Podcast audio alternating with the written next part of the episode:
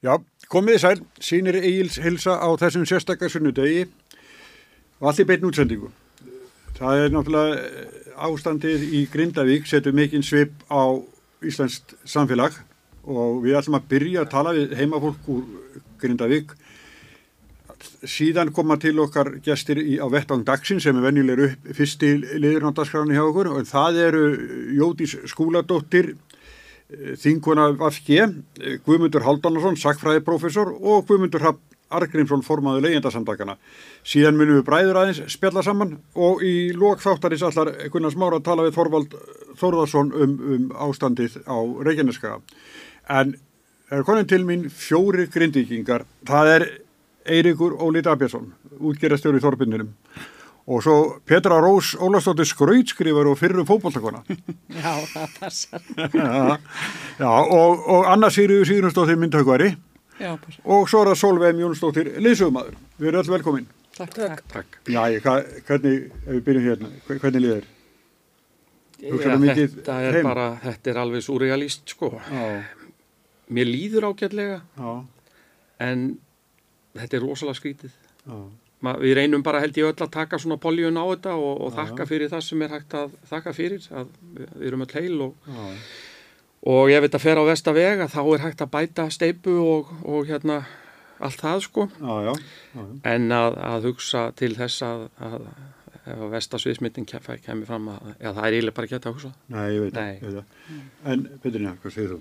Já, þetta er bara, teg bara undir með Erik. Já. Þetta er bara, manni líður vel, þannig lað. Hitt, maður er sig í ég er ykkur að, poljunni. uh, uh, sko, eru þið að reyna að skrúa á minninga, eða sko hugsannar, eru þið að reyna einbytt ykkur að, að þið er ekki að, að hugsa um það versta? Já, auðvitað hlýtur að vera þannig bara til þess að maður ná að fungera. Ef maður væri bara alveg fastur í því að þetta fari allt á vestaveg, þá myndi maður ekki líða alveg vel eins og maður gerir í dag.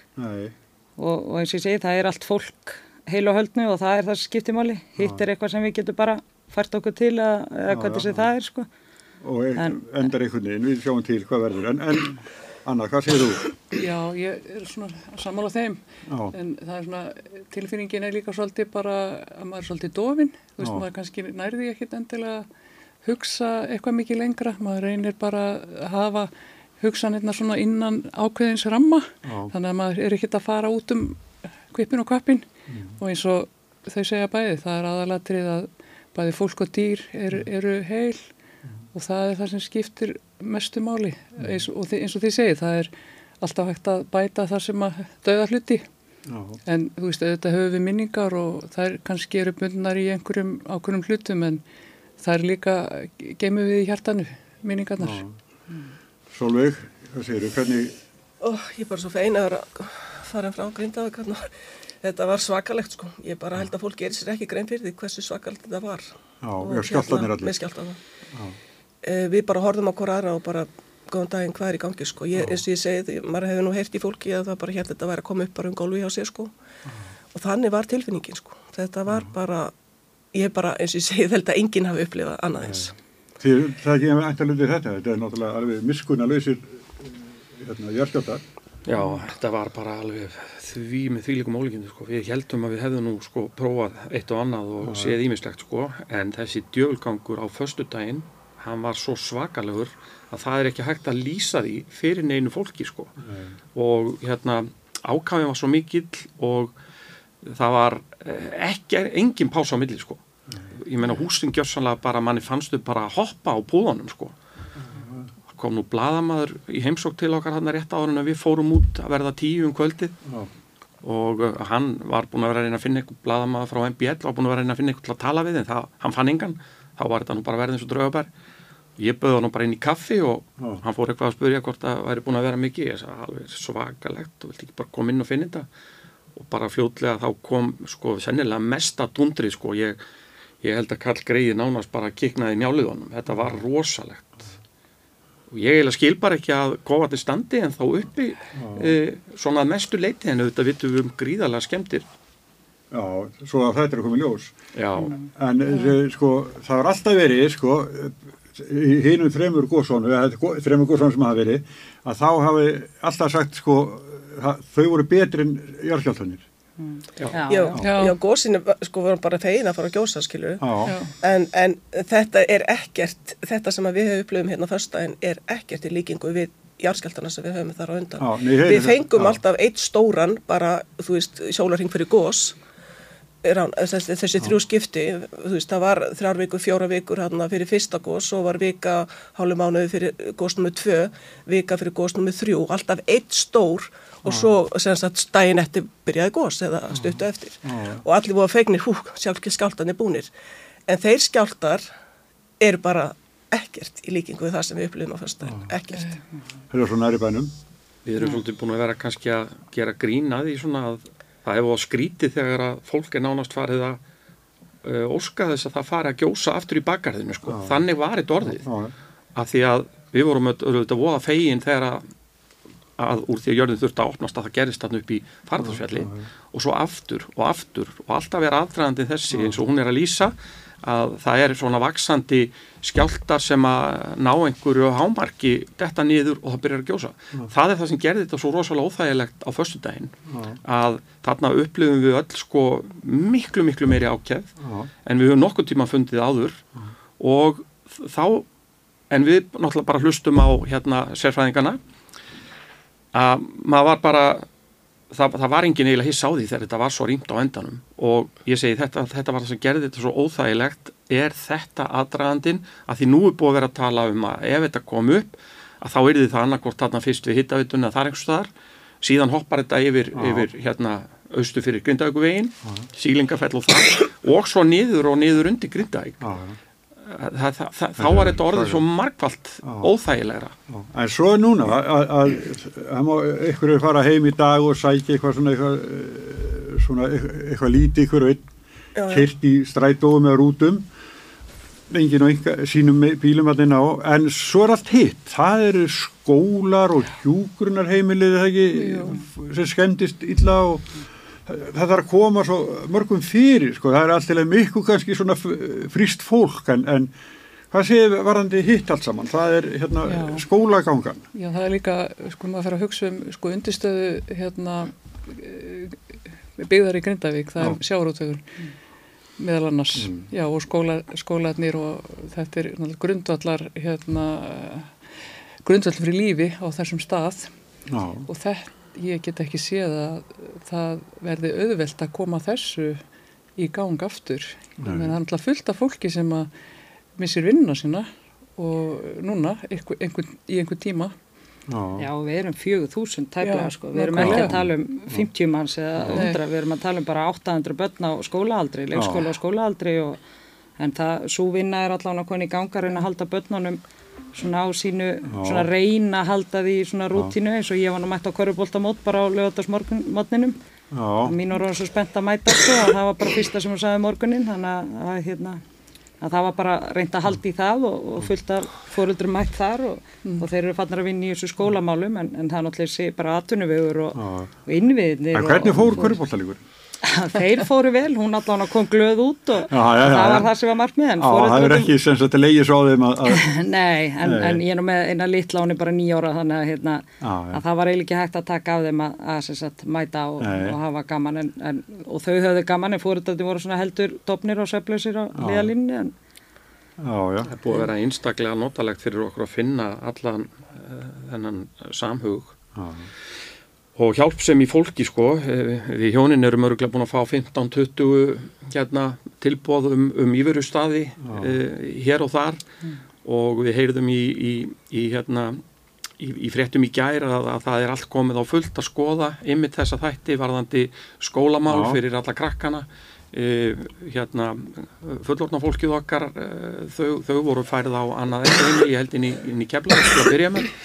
Uh, og, og það er bara allt á fullu að reyna að bregðast við já, þessu ástandi og svo að skoða hérna hvað verður með framhaldið. Auðvitað vonum við áfram það besta en við Já, verðum að búa okkur undir reynilega það besta og það er alveg búin að vera mikla frænkvæmdi við höfnina já, já, sem er orðin, eða ekki er bara verið orðin mjög góð? Jú Grindavík er algjör lífhöfn í, í, í dag í rauninni eftir að voru gerða gríðarlega mikla Já. breytingar á Já, henni uh, rétt undir aldamót. Þá var, þá var hérna grafin uh, beinleið inn. Áður var hún svona siksak já, já, já, þrjár leiðir Já. eða þrjár línur. Já, já, en síðan 99 er hún búin að vera beinlína inn og svo voru byggðir gríðarlega miklir uh, grjótvarnagarðar lengst út, í, út, í, út á djúpsund já, já, sem breyttu bara öllu. Grindavík var gríðarlega erfið bæði erfið höfn, erfið innsikling en eftir að þessar breyningar voru gerðar hefur hún, hún, hún, það róaði svo mikið inni sko. Já, já. það hefur Bátar það kom áður bara á flegi ferði á Já, bárin inn. al, Já, algjörlega og því miður hafa orðið slæmslís vissulega, Eh. vissulega. en hérna, sko, uh, svo, hver veit breytir ekki með skólagöngun og annað, það, það er verið að vinni því. Borgarstjóri steig strax fram og, og vildi ræða við og, og þá er náttúrulega fylgja ykkur í kennarar væntalega en fólk er svona tvístraðum allt líka. Já, fólk er mjög tvístrað eins og, eins og við komum fram en, en ég vil alltaf taka undir það sko, þú veist, gríðarlegt hvað fólk, þannig að samstæðið þú veist í þjóðinni og, og fólk vinum á eftirkjum og, og fólki sem ég þekki menn ég er náttúrulega mikið að vinna með ferðamenn og það er bara, þú veist, ég er að fá sko e-mail og skilabóð eh, sko erlendis frá bara þú veist, stuðning og, og annað skili og svo eins og, eins og þú veist að segja að hérna með íverustadi þannig að við erum bara svona en þú, þetta var kannski gott í gær maður var eiginlega bara í því að svara og spjalla við fólk sko sem að þú veist var að hafa samband og, og, og hérna stiðja mann. Þannig að, að hérna og þú veist það var allavega fór sáta á reyli þá og það bara svona allavega þá þurftum maður ekki að vera hugsa mikið um annað. En, en, en það er gríðalegu stönningum að finna fyrir því algjörlega. Já, En það kom samt eitt punktur sem er, þau eru að tala um þetta, Já. þetta gerist á föstu degi. Nú er helgi og það eru margi konur upp í sumabústaði og alls konar staði svona, og maður svona stundum hefur á tilfinninguna maður sé bara svona í útilegu eða, eða svona fjölskyldinni. Já. Svo Já. kemur mánudagur og þá eiga allir að mæta í vinnu og, og það eiga, eða eiga allir að mæta, það er allan að væntalega þannig, þá tekum við svona rútínan, en hvað gerist á mánudaginn? Okay. Þú veist, ég er svolítið að helgin er búin að fara svolítið í bara, þú er svolítið í helgi og, og fríi og svona. Og hvað gerir svo mándaginn? Hvað með atvinnu fólks og, og þessi Það segi, má skilur, ekki fólk þarf að borga reikninga og lifa og þú veist, og það er svolítið það sem er svo að segja, nú kemur umveruleikin á morgun, já. hvað já. verður, þó að skólamálun og svona, jú, börnin, er náttúrulega frábært ef að þau geta fengið félagskap og reynd þessi sig að halda þeirra lífi svona áfram, en, en allt hitt, Já, þú já. veist, það er svolítið skellur kannski á okkur á morgun. algjörlega. Já, það verður, alvaran einmitt á, á morgun sko Að því við erum Nei. svolítið bara klukkutíma fyrir klukkutímar svolítið núna, Já, já. sko. Allt- Já, já, já. atvinnulífið bátarnir, landanir reynsla á feskum fiski og, allt já, þetta og, og er ekki afurðir í, erum við tvö stór fyrirtæki Jú. Eh, það er eh, hjá okkur í Þorbirni Já. er það aðalega í, í sölduðum afurðum í dag, við erum með mjög lítið uh, frosið en ég veit ekki, það eru hundruð tonna af saltfiski sem eru í, í geimslum og, og svo eru þannig að annað eins og vísi. Já, það er öruglega töluvert mikið hjá Vísi og líka frosið hjá þeim. Og en, en hinn fyrirtækin eru meira í fesku þannig að það er flutt út Já. eiginlega jafnóðum sko. en uh, minna bátar er ekki að fara að landa þannig heima augljóslega og þessar vinslur er ekki að fara í gang á morgun eins og þær hefðu gert annars Nei, þannig að það verður bara að taka hverjum degi eins og hann er Já, já, ég, Já, er. Í, ég er í fyrirtæki í útflutningi og alls konar svo leiðis og það er náttúrulega fyrirtæki að senda okkur bara hvað hva verður. Við hefum búin á sendingu frá okkur bara á morgun og, eða sendingu að fara frá okkur á morgun ætti að vera og, þannig að þetta er svona, þetta eru skrítin staða. og hvað er það að framlega? Við erum að framlega sem sagt íblöndunarefni í sjávarútveginn, Já, senda til Grænlands og Kanada og Bandarækjana og, og innanlands líka en, en og hefði þurft að koma að senda ykkur frá okkur á morgun já, já, sem verður ekki nei, ég býst ekki Já, við því. já. Herði, en ég, sko, þjóðið stendur með ykkur, þið finnir það, þið eru búin að tala um það, þið finnir svona stuðning og væntu þig ekki. Já. Mm. Öllum víkstöðum. Já, Það er bara, og því ber bara, ég segi, þakka bara kærlega fyrir. Já, Það er mikil, þa- mikil þakklæti, já. og, og, ellendis frá líka eins og Já. hún nefndi það er bara er ofsalega gott að finna, finna allan hennar líu sem að streymir við það frá og, og jafnvel frá prestum og fallegar bænir Pálmi Mattíasson búin að vera í sambandi og, og, fleiri Já, já. Þetta við séum öll, sko, fylgjast með, fylgjast með Já, já. hvað verður, sko. Mann er fyrst að bara svolítið órumvilegt þess að segja sko að maður fyrir klukkutíma frá þarna á föstu deginum Já. af því að þess að segja, jörðin var að ripna undan okkur þetta var þannig eins og Eiríkur Þetta er sagði sem upphafi. aldrei. Þetta er bara eitthvað sem maður getur ekki eins og líst og vonar engum að, að lendi í svona að svo var maður komin á Selfoss klukkutíma frá hann og stoppar þar á mathöllinni og situr þar og allir með hérna fundin, almannavartan fundin á og bara, þú veist, allir niðursoknir í það Allir símar ofnir. Já, já, hjá okkur, en Já, svo horfið maður á hitt fólki koma niður á barnum bara á leiðin á djammið og skemmta sér og, og, og meðan að við vissum ekki hvort þið kemist heim aftur, bara nokkuð tíman eða, eða hvað, þú veist, Nei, en þetta er svolítið Það var- surrealist að við erum klukkutíma frá, sko. Við vorum sko búin að ákveða sko að fara áður en að rýmingin hófst sko. Var bara, við erum ekki að vera, við erum ekki að vera í þessu sko. Þannig að við byrjum svona aðeins að hendi í bílinn einhverju fötum og einhverju svona dótið bara. En við heldum við getum farið heim daginn eftir sko. Já. Og þannig að við ákveðum að skilja köttin eftir því að hann, þú veist, náttúrulega er auðvitað að flytja kött og Já. en voru svona að báðum áttu ef það köttin, nei, hafið betur mann bara heima eitthvað, þú veist, nei, nei, en náttúrulega Anna er í björgunsveitinni og, og, og hún ákvaða að fara tilbaka hann um kvöldið Já. til þess að hjálpa til við rýminguna sem var reynda langt komið því að flesti voru farnir en sem betur fyrr náða að kippa kettinu með þannig að Já. við erum öll saminuð okkar fjölskylda Ég held að þetta eigi við um mjög marga. Já. Vi, við trúðum því aldrei að, að, hérna, að þetta gæti farið svona langt og svona illa eins og þetta því miður fyrir horfir. Já, ég, nei, ég held ekki. Við höfum alltaf trúa því að, að ef þetta þyrfti að losa um þessa spennu þá yrði það einhverstað norðustan við bæin eða, eða eitthvað svo sko. Þannig að lang flestir voru að fara í það sem er orðið kalla núna skjáltafrí Já. því að uh, tveimur nóttum áður þá svaf enginn í Grindavík þá nótt sko, því það var, það var alveg svakalegu göragangur þá. Svo var aftur 50. var ágætt en svo föstudagurinn þarna, sko, eftir hátegi og var svo svakalegur að það voru, það var öruglega helmingurinn að bæjabúum farin eða meira áður en að koma að rýmingunni Já. og við hjónin til dæmis vorum að, að hérna við fórum svona hálftíma áður en að, að rýmingin kom og ég hvort er þetta að hlæja því sko að, að hérna ég var búin að henda hún í tösku einhverju dóti svona þremmu fjórundögum áður eiga eina tösku til að grípa eða kemi og ég hafði svo litla trú að því að ég myndi þurfa að nota það að, að ég hendi eiginlega bara svona einhverju gömlu dót onni hérna.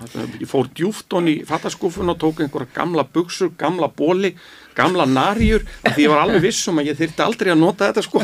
Já, en svo var ég náttúrulega búin að gleyma þessu öllu og, og hérna við ákvaðum bara að forða okkur og, og þá greip ég náttúrulega þessa tösku svo í gærmorgun hjá dótti minni hérna á Selfossi þá smelti ég mér nú í sturtu og, og dróði beinar að þessum gömlu narjum sem hefði nú mátt vera konar í tunnuna fyrir löngu vegna þess að þegar ég dróðar upp þá duttu það beiniður aftur. Eh, strengurinn alveg farin þannig að þetta er svona skrítið og ég er eitthvað búin að heyra fleiri svona fyndið hvað grípur fólk með sér í einhverju svona patti og það er ofta eitthvað fáránlegt sko. Já, við vorum að reyða upp hérna áður komin inn að, að í góðsynni heima að Ditti Þýðla átti þá heima þar og hann tók með sér hangin eða hérna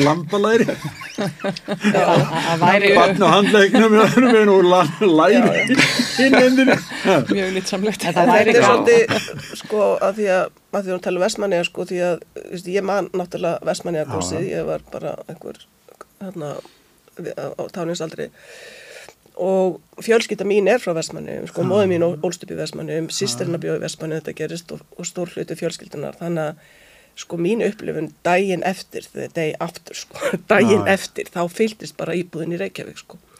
En þá var það þannig að þá var verið að leita fólki, hafnabúðir veist, og, og reyna svona að teka hvar fólk væri. En þannig að þetta er svona upplifin nummer tvö en auðvitað langt síðan og ég náttúrulega upplifið ekki hvað gerist í Vestmannum. En þá var ekkert talað, muniði. ah, Þá var ekkert talað um þetta. Núna ekkert mjög löngu setna, og veist, ég reynda að sýstum að með dáin núna en sem að upplifið þetta. Og ég, fyrir nokkur mán síðan, langaði með, fór ég að spjalla við hann um þetta. Þá fyrst eiginlega gerði ég mig grein fyrir því hversu sko alvarlegt þetta var, eða fyrst hversu Já, já, traumatist eða hvað maður þetta var fyrir fólki. Það var ekkert talað þá sko. En sem betur fyrir erum við núna hér, sittum hér og erum að spjalla saman. já, já, já. Ég man eins og það hafi gerst í gær þegar mamma minn kom og vakti mig þennan morgun þá líklega hvað 24. janúar settist hjá mér ég, Nei, já, já, skilt ekki já, morgunin eftir Já, já, Já, já. já, já. og settist við rúmi á mér og sagði mér að það er farið að gjósa í Vestmannu ég hef þá verið að verða átt ára Já. já. Ég man það alltaf eins og það gerst gær já. ég man ekkit eftir öðru sko fyrir en síðan að fóru bara að koma krakkar úr Vestmannu í bekkin okkar og, Já, já, ég man mjög vel eftir Vestmanna góðsum líka því að pappi fór út til eiga til þess að hjálpa til, hann var slökklusmaður og var þar í svolítinn tíma. Þannig að það eru til svona myndir í myndalbúminu hjá mamma og pappa af honum eh, mókandi ösku af þögum og eitthvað fleira. Herðu, nú erum við bara að sjá hvað verður. Já. Jú, jú. En hérna, ég þakka ykkur allum kjalla fyrir komuna Takk. Já, og, takk. og hérna, ósku ykkur bara allsins besta. Við fylgjumst með ykkur. Og Takk. ágætu áhörvendur og lustendur, nú gerum við augnablísli og næst er það vettvangur dagsins.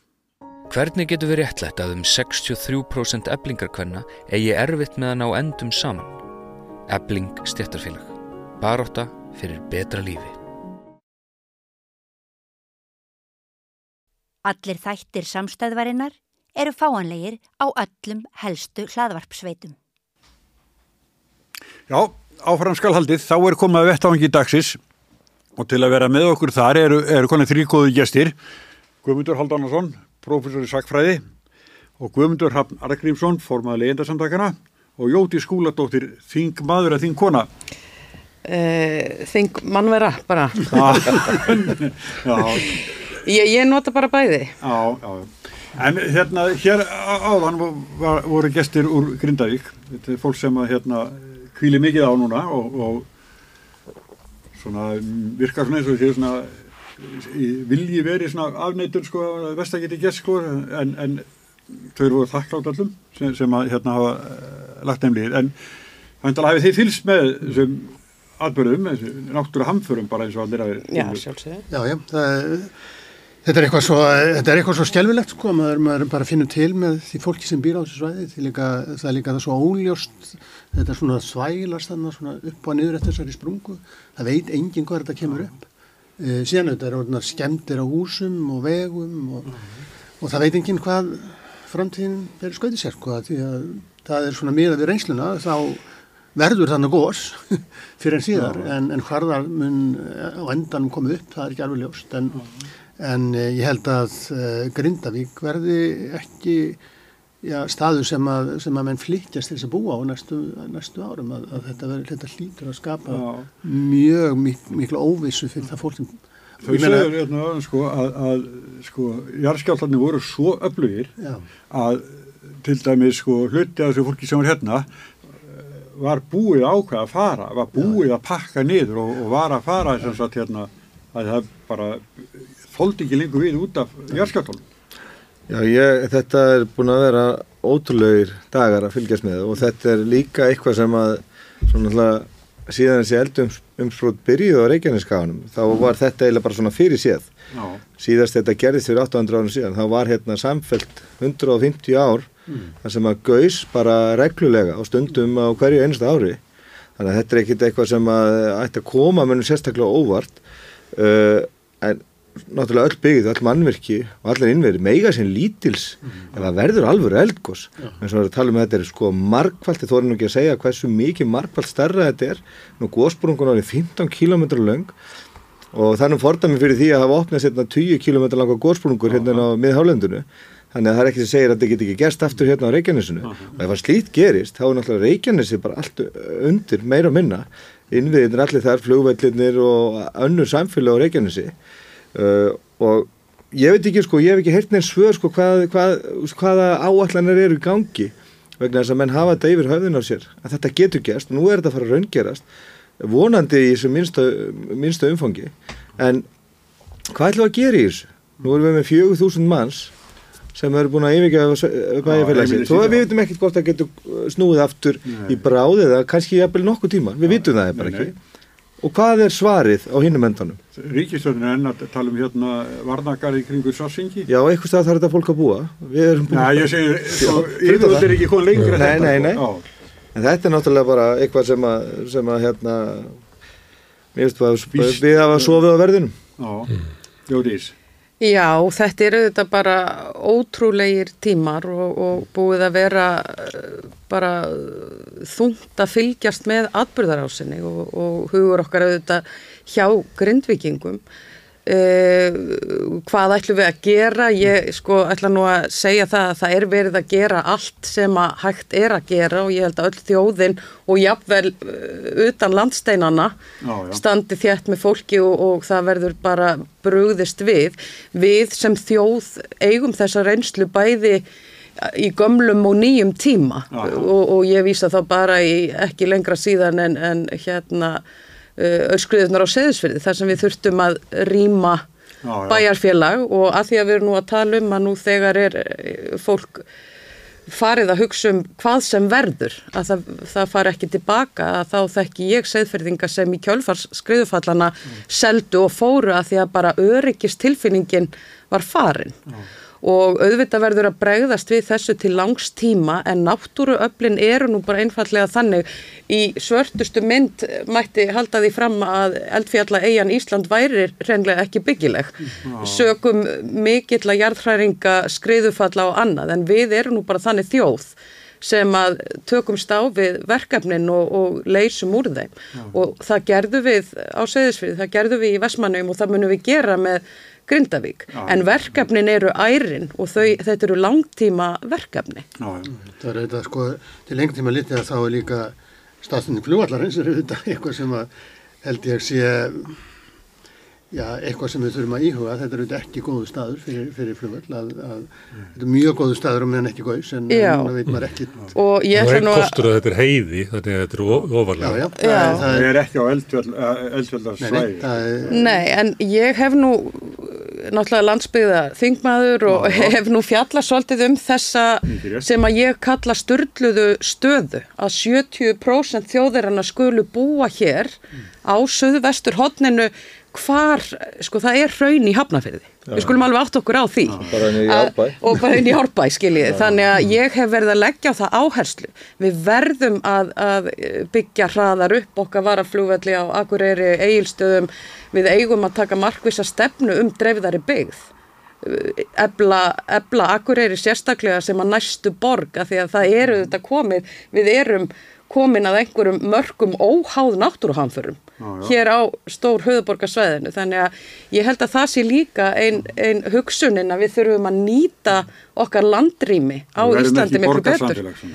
Já, ekki, nei, ég held að það sé ekki alveg, erum, erum náttúrulega orðin það. já, já, Frá Borganesi út á Reykjanes og til Árborgar að innan þess rings búa 85% þjóðinni. já, Það er, þannig að við erum eiginlega... Er um svona hægt og Það væri gríðalegt á, átak að gera það. já, það verður Það það, en, en fyrsta skrefið er auðvitað að horfast í augu við stöðuna eins og er og af því að við erum nú að tala um innviði, við erum að tala um sko hérna húsnæðismál og ímislegt að þá, þá held ég að, að við séum bara að komast að þeim stað að við verðum svolítið að endurhugsa Ég- hvernig við viljum sjá til næstu 100-200 ára stöðuna.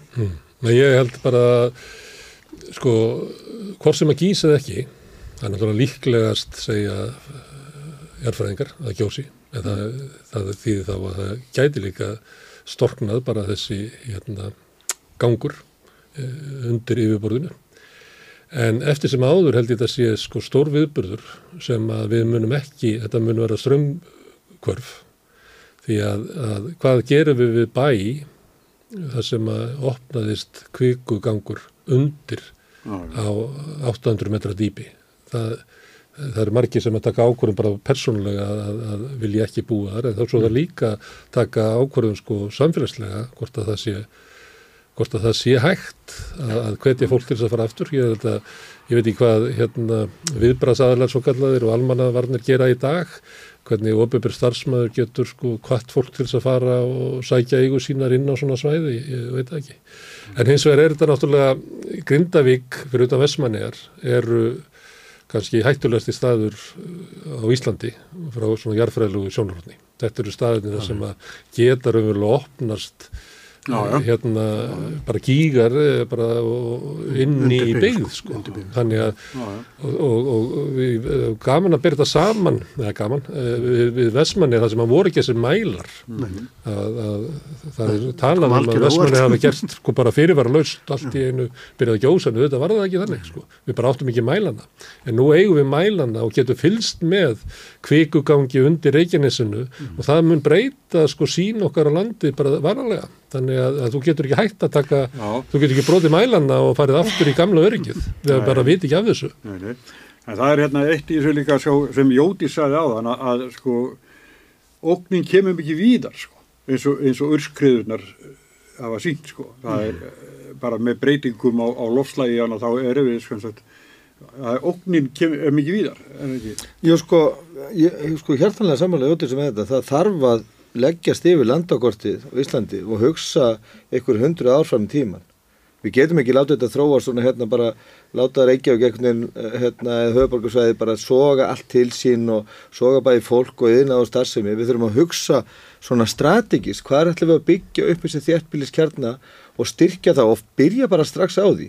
Gefa fólki kost á því að geta flutt til Akureyrar eða Egilstaða og byggja upp þessa svona stóra þjertbíliskjarna þar með þessum nöðsynlegustu innviðum vegna þess að höfuborgarsvæði meira meina allt framann er umkringt eldfjallum bæði hérna upp í Hengli og Bláfjöllum og, og sko ég hef nú verið að spyrjast fyrir bara, ef að, ef að hérna, verður ólíft hérna í borginni vegna gasmengunar eða jafnvel bara vegna hraunflæðis veist, hvað, hvað, hérna, hvað tekur það við? Og það er bara eiginlega ekkit um svör. Hvað tekur við? Og það er kannski óabyrt að vera eins og segir með hérna, 70% af þjóðinni hérna með við heng, hérna, helliseðina 85% hérna á þessu ring og þið verðum að dreifa þessu betur. Já, bara, en eins og jarðsölu tímin er svo sérkynlugur, að til dæmis eins og með Vestmannegar, að þegar að gauðs þar, þá var það bara stutt síðan að Sussiðagossi var og augljóst að þessi, þetta belti var að taka við sér, svo eigi fell að jökull og þetta mun halda áfram að gjósa þetta. En þá voru 5.000 ár síðan að gauðs í heima í þessu. já, já. Þannig að það svæðis- jarðsölu tímin eins og, eins og núna á Reykjanesi, það er hvað er langt síðan að, hérna, 800 langt góslja. 800 ára Það er bara svo erfitt að, að, hérna, að, að hugsa í sko, Já, já. þessari vá sem er yfirvóðandi en er hún áriðandi?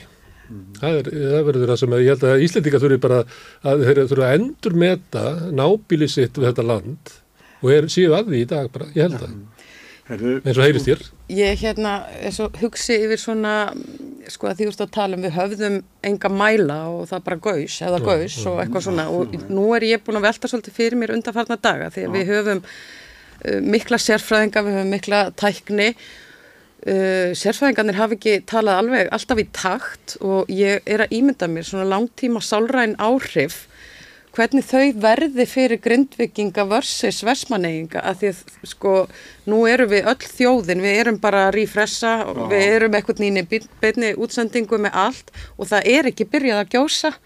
Og ég hef svolítið hugsað þetta sko, ég held við þurfum að vera meðvituð um um þetta sko, ekki bara hvar fólk á að búa, hvar það fyrir skóla, heldur við erum nú þegar komin með eh, gríðarlegt áfall fyrir mörg þúsund manns sem að mun taka langan tíma að vinna úr. Heldur að versmenningast ekki að hugsa núna hérna, um sína stöðu? Í algjörlega. eins og fólki sagði á þann sko, nú er helgin að klárast sko, Já, já, og morgun er mánudagur já, já. Og hvað þá? Þá bara heitt daglega líf sem er ekki til staðar já, sko. vinnan og, og, og, og hérna Sko, Petra. Rós er, er að framlega eitthvað íblöndunarefni sem hún þarf að koma í, frá sér á morgun sem verður ekki.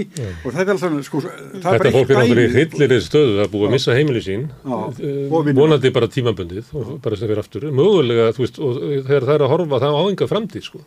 Því það geti eh, snúið heim bara í lók vikunar eða það myndi aldrei snúið heim það er búið að missa heimili sín, margir er búið að missa vinnuna sína, kannski er bara samfélagið farið. Þannig að þú veist, hvað ætlar að byggja nýja Grindavík upp á Akranesi eða?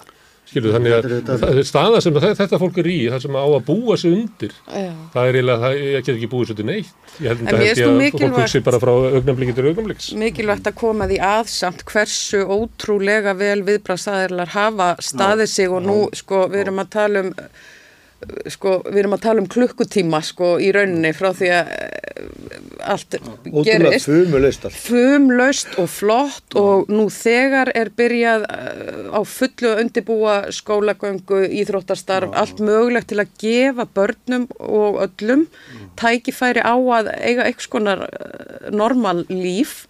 Og mér langar að segja mér þótti svo gaman að fá sendar í gerð myndir af, af grindvískum börnum á körfuboltamóti Já. að sko lífið bara er áfram Já, við við vorum um þetta að tala um þetta Já, já, einmitt. En sko við erum, hérna þetta eru hörmungar en uh, það er enginn farist eða, eða meist, allan ekki líkamlega, kannski ykkur er sálinni, en svo er ekki alltaf, sko, það er hérna Gaza og það er Úkraina, þar erum við að fylgjast með alveg skelvilegu málum, að bara vera að murka líf úr fólki. Já, já.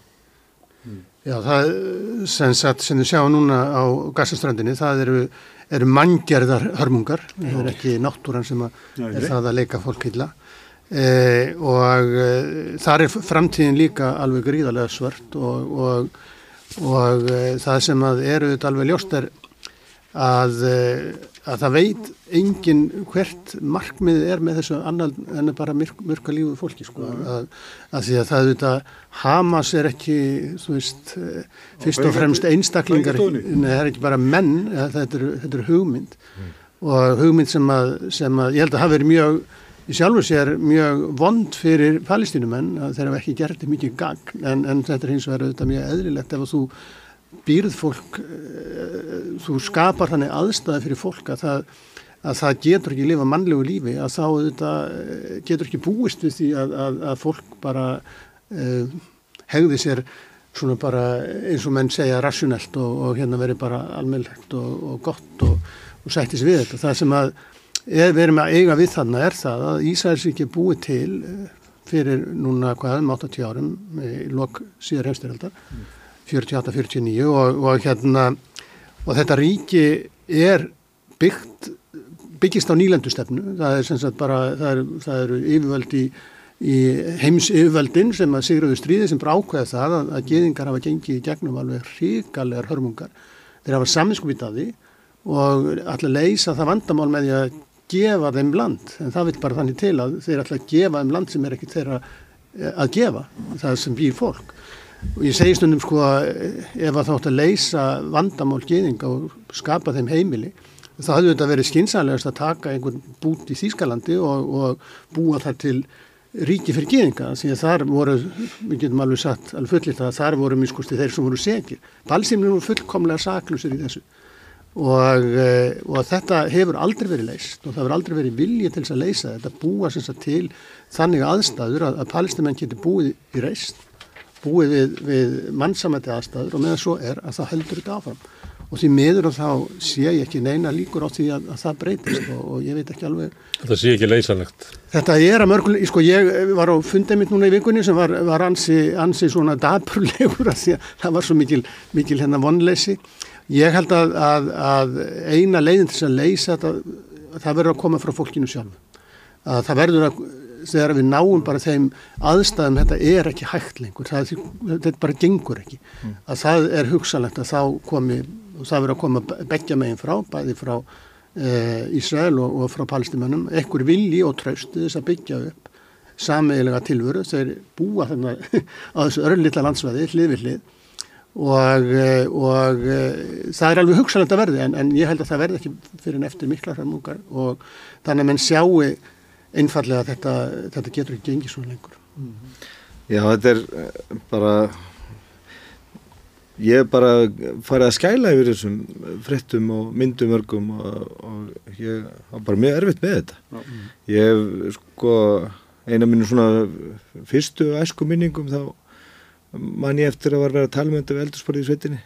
Og það er sko fyrir eh, 45 ára síðan þannig að þetta er ekkit eitthvað sem er að gerast núna eða eitthvað neginn hefur ástæðið eitthvað mjög stuttan aðdraðanda palestínumenn hafa náttúrulega aldrei fengið eh, sko tækifæri á því að búa við eitthvað réttlæti sem að getur á einhverjum kynnslóðum, þetta tekur náttúrulega ekki bara 10 ár eða 15 ár, þetta tekur einhverja kynnslóðir að það fara að búa við réttlæti til þess að draga úr þessum henda vegna bara það að alast upp við það persónulega að sjá ættingja sína myrta og, og, og fangelsaða og tekna til gísla af Ísrael, Ísraelsmönnum. Svona áföll ber fólk með þessu út í lífið og það þarf sérstakar aðstæður í samfélaginu, sérstaklega sko styrkjandi aðstæður til þess að ná þessum áföllum úr sér. Og það tekur áratíu þannig að sko að hérna að sko að vera einhvern veginn að saka palestinmennum það einhvern veginn að hafa ekki náða að fylla sig þessari trú á, á hérna, frið á 15 árum undir stjórn Hamas það er alltaf bara algjörlega absúrt. Þeim er hafa aldrei verið gefin kostur á því. Mm. þeir hafa búið stanslösa landtökubyggðir eða hérna, landnám á vestubakkanum stanslust og ég hef eh, sko, verið að horfa á þessu hérna, heimildarmyndur þar sem að hérna, verkefni sem heitir Breaking the Silence, ég hveit fólk til þess að fylgjast með því þar sem að vera að ræða við fyrirvæðandi ísraelska hermenn sem hafa verið þjónust á þann vestubakkanum og er margi hverju bara áfalli yfir því hvað þeir, þeir voru látni að gera kakot fólkinu þar. Og þar sá maður bara hvað þessu mikið útbreytt ofbeldi Ísraela eh, beita uh, palestinmenn og allt undir þessari svona kröfu um að þeir eigi þetta landi helga sanga drítningunni, þetta hefur verið samtíkt af saminu þjóðan 1947 og svo þar fram með þetta gödunum og svo alltaf tala um það að við hefum nú búið palestinmenn frið 5 eða 6 sinnum og þeir hafa alltaf hafnaði, en það er bara sennilega bara ekki satt vegna þess að, að það verður alltaf fyllt í kjölfarið aukna landtöku byggðir þegar aldrei gefin kost á því að, að, palestinmenn hafi getað haldið inn af frið. Að það var að kúa fólk til hlýðinni Aha. og beita það ofbelda meðan. -hmm og svo hva, og, og, hva, hver ætti uppskrifin að vera önnur? Já, já. Úst, og já, við þessar árasir ég eh, lusta hann bara viðtala núna um helgina við mann sem að sagði sko, við, úst, hver einasti uh, einasta barn sem er drefið þarna á Gaza það verða bara til tíu nýjar hamasliðar. Þannig að mandamál Ísæðum að gagva Tamas sko markvaldasta umfangi við þetta. það er ekki náttúrulega bara að drepa alla. Fólk með hatur og hend hugsaðu þér. Og við, ef við okkur líður svona hérna já. við að horfa á þessar myndir. Já.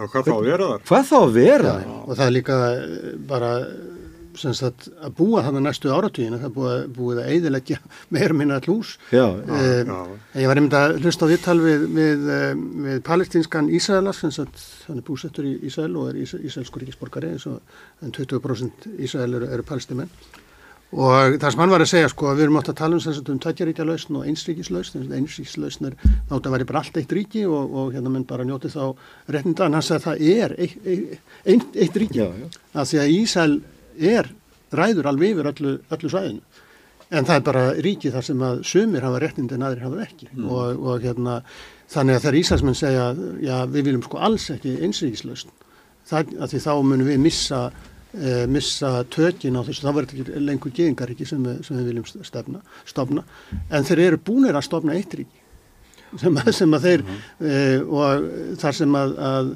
að um 6 miljónir manna búa við þannig aðstæður, það get ekki lifað mannsamætti lífi, get ekki, get ekki hérna uh, skapa sér atvinnu, það eru atvinnleysu svo gríðalegt að, að, að því að það get ekki selt vöruna sínar. Það get ekki farið á akrana sína, það get ekki farið með skeppna sínar á milli af því að það er búið að skera þetta allt í sundur af land, landnafnum. Þetta, þetta, þetta verður að leysa mm. e, það verður að vera vilji til þess og hann hefur ekki verið sjáanlegur. Jóðís, allþingi var samstíga í að fórta með þetta. Já, og það var bara með betri dögum síðan að ég settist á þing og bara í alvörunni að, að Var þannig andi í húsinu? Það var það og, og ég tek nú bara undir, ég hef felt fleiri nett og fleiri enn tvöð tári yfir þessari stöðu og, og þetta er sko eins og með Grindavík, þetta er hinn fullkomni vannmáttur. Mm. Ef við gætum eitthvað gert þá myndum við gera það en staðan er svo Já.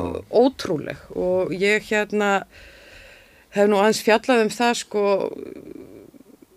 í, í stríði og við sjáum það þarna, það, þetta eru konur þetta eru börn, við erum að sjá núna Já. Sko afleðingarnar, það eru fjöldi þungaðra kvenna sem að e, býð eftir að fæða börn sem að inn í þetta ástand sko þú veist, hugur okkar næri ekki utanum þetta. Nei. Þetta er svo hryllilegt og ég hérna þó ég taki að vissuleiti undir það að, að sko það verður eiginlega að vera aðiladnir sem að leysa úr þessu þegar þau gefast upp en þá verði ég eiginlega líka að segja eins og guðmundur að sko þegar að fólk er búið að búa kynnslóð eftir kynnslóð við einhvers konar ástand sem að aldrei er eðlilegt.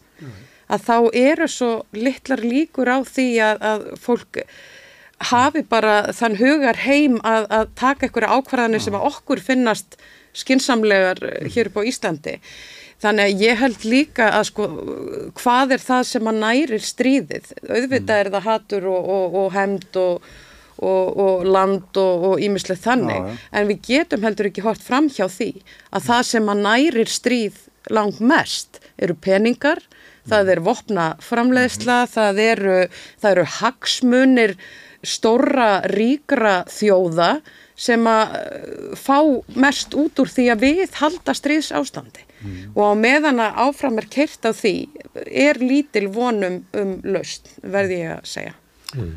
Smárið, það er að hvort að Ísraelsmenn og palestinumenn finnir lausnina svona hjá sjálfum sér þá verða náttúrulega aðrir að hætta afskiptum til dæmis bandaríkinn sem að senda gríðarlega peninga og mér er ekki betur en það að veri kynnt hérna einhverjir triljón biljón dólarar sem voru að senda til viðbútar til Ísrael og veri kynnt að það veri ekki bara eitthvað sem við verðum að gera til að stiðja Ísrael sem að bandaríkjumenn segjast eiga í einstöku sambandi við og sem er ykkur rétt, ég held að sé hverkið til í sögunni, tengsl svona ríkja, mm -hmm.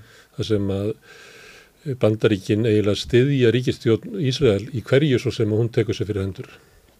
Þá var þetta tilkynnt í bandaríkjunum með svona kynnt að þetta var líka gott fyrir bandaríkin. Þetta myndi að örfa hagvöxt og vinnu hér og þar í bandaríkin við að framlega vopnin. Já, já. Og ég held að sé bara hérna auðvitað maður hafa vonin um það að, að Ísraelsmann rýsi allir upp gegn þessari ríkistjótt sem að þeir setja uppi með svona halvfasískri mm. þjóðurnis trúar uh, klikkun ykkur í eða að palestinumenn rindi af sér Hamas og velja eitthvað annað en ég, sé það ekki einhvern veginn. Ég held að sé frekar við sem að fara í þá leið og höfum verið að horfa á til dæmis stjórnmálinn í Ísraels þróa í þessa áttina. Já. og það er bara Æsinga, þó að við getum hort á sko mótmælin út á gödum og sagt þú veist að ef þetta fólk fengjar á það þá erum við ekkert nærði sko. Og allra síst að því að Guðmundur er nú hérna Haldunarsson sem er sérfræðingur í bandarísku stjórnmálum er það, er það einhver leiti mögulegt að, að, að ríkistjórn bandaríkjana breytum stefnu gagvað Ísraels? Eða verður það þannig að alveg sama hvað Ísraels brítur gegn samsettum saminuð þjóðanar og yfirlýstir stefnu um tveggjaríkja lausn og, og hvað sem er þá stiður bandaríkinu menn þau í því að brjóta gegn því í, í verki þó þau segja allt annað í orði? Þannig hefur það verið fram að þessu. Það var smá tími eh, kringum 1990 eh, sem að það var raunverulega voru öflina innan bandaríkjana sem að, og í bandarsku stjórnmálum, James Baker var þar í fórustu, voru republikanar mm. e, eftir að múrin fellur og, og sem að svona virkilega höfðu áhuga á að leysa þetta, þeir urðu síðan bara undir, þeir e, Bush eldri tapaði kostningum og þá komu til valda aðri sem voru, voru miklu meiri haukar og stuðnismenn Ísraels. Það er hins vegar að, að verða ákveðin e, svona skipti núna í bara meðal almennings í bandaríkjunum og, og og ég veit að demokrætar hafa miklu ágjör að þessu vegna þess að, að þeir sjá það að, að það eru að æg fleiri sérstaklega ungir bandarkimenn sem sem að ofbýður þetta og, og eru sérstaklega mjög ósáttir við, við stefnu bandarkina. Mm. En ég held að sko að það, þetta verður aldrei leist nema með, e, með eh, aðstof bandarkina. Það er eina mm. ríkistjónin sem, sem að hefur það vald að, að geta gert eitthvað en þá verður það eru eiginlega beitt gerandi í þessum já, það, það, verður, verður, verður stefna bandarækina líka breytast bandarækina mm. hafa haft eins og þú segir þá stefnum fram að þessu að styðja Ísrael í öllu sem við gera og það er til dæmis þegar að Oslo samkominnlegin eru gerð þannig 93-95 að þá eh, var eh, þau, þau, reynilega buðu palsmennu ekki upp á neitt að því að þeir eru verið að segja að, hérna, að palismenn hafi, hafi hafna, þeir hafa hafna vegna þess að þeir hafa aldrei fengið mm. bóðum það að stopna sér degi ríki. Það getum kannski sagt að uppalega þegar samlýtsjóðanar samþykja e, sagt, þessa álíktun e, 181 e, álíktununa 1947, 1947, þar sem að þetta er lagt fram að skipta landinu upp mm. Eh, og er, það er tveggjaríkja lausn, þá er sem sagt stungið upp að að það verður stopnið tvö ríki, þetta voru mjög óréttlátt skipti að því að, að, að geðingar áttu að fá 55% af landinu. Þegar voru eitt þriði af íbúanum óttafallt bestalandið og Arabar hafnaði þessu og, og, og hérna hafnaði þessari skiptingu og, og e, neina Ísælsmenn eða geðingar sigra þá palestimenn og Arabasjóðunar í, í stríði og þannig þá fer þetta út á borðinu.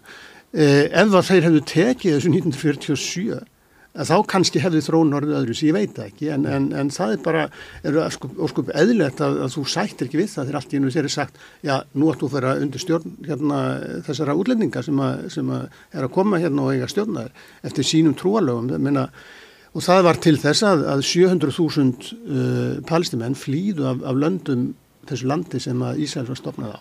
Og, og hérna Og, og nú hefur það síðan gæst að það eru 700.000 ísælsmenn sem að búa á Vesturbakkanum í landamabugðum og það verður ekki lausn á þessu málinn en maður finnst eitthvað samþykki fyrir því að þeir snúi tilbaka.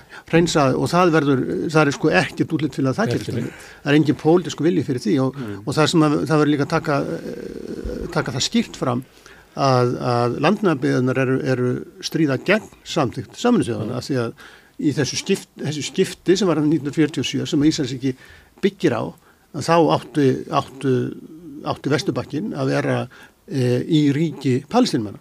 E, síðan auðvitað einn vandi palestinmanna gegnum alla tíðina hefur verið að, að Araparíkin hafa verið þeim engin sérstakki vinnir. Að Jordani notuðu, notuðu stríði 47 til 9 til þess að hyrða Vesturbakkan og Egiptar tóku Gaza og það er ekki fyrir 1967 sem að, sem að raunverulega Ísælsmenn taka þetta síðan allt land aftur. Þannig að balsmenn hafa verið svona einhverju leiksoppar í þessu, í þessu sjónarspili. Mm. og þeir hafa aldrei verið spurðir. Og, og ef þeir hafa spurðir þá er það alltaf með, með starrandin í byssukjæfti og, og, hérna, og já, það, þannig að það er hægt að leysa þetta en það verður æg erfiðar En við skulum bara líta á bara hvusleis ríkið þetta er, Ísrael mm. að sko saminu þjóðandar hafa álíktað eða fordæmt Ísælsríki 45 sinnum mm. sem jafn mikið og allar aðrar þjóðir í heiminu til samans.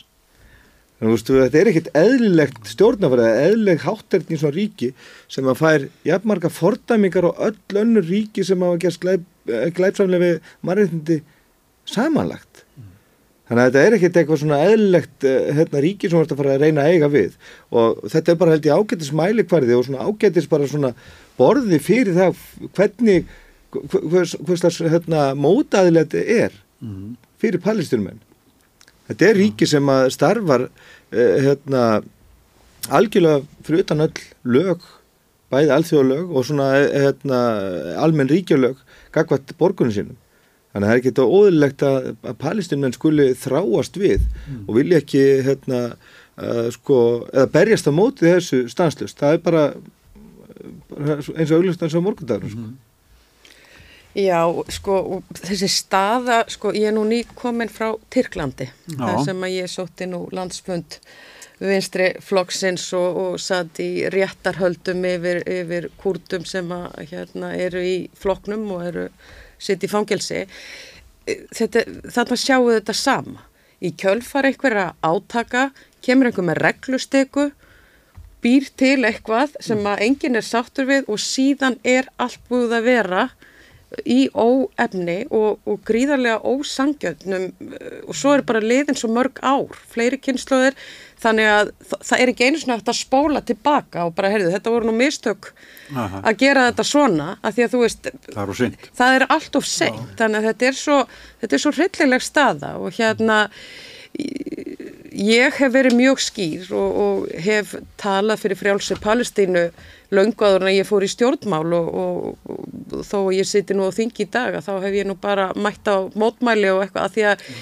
e, sko mér algjörlega blöskrar og ég ítreka aftur sko þessi vannmáttur sem við finnum að uh, núna eftir að þetta braust út að þá skilji, það er ofbóðslega reyði í samfélaginu, það er sorg og vannmáta tilfinning og, og, og mikið að mótmælum og því fagna ég sem eindregin stuðningsmaður sko tjáningafrælsisins og, og líðræðisins en uh, það hefur þó farið þannig að mér hefur ofbóðið ákveðin orðræða og ofsalegt uh, svona hatur og, og hótanir gagvart sérstaklega stjórnmálafólki sem að er í þeirri stöðu að, að geta ótrúlega litlu breytt.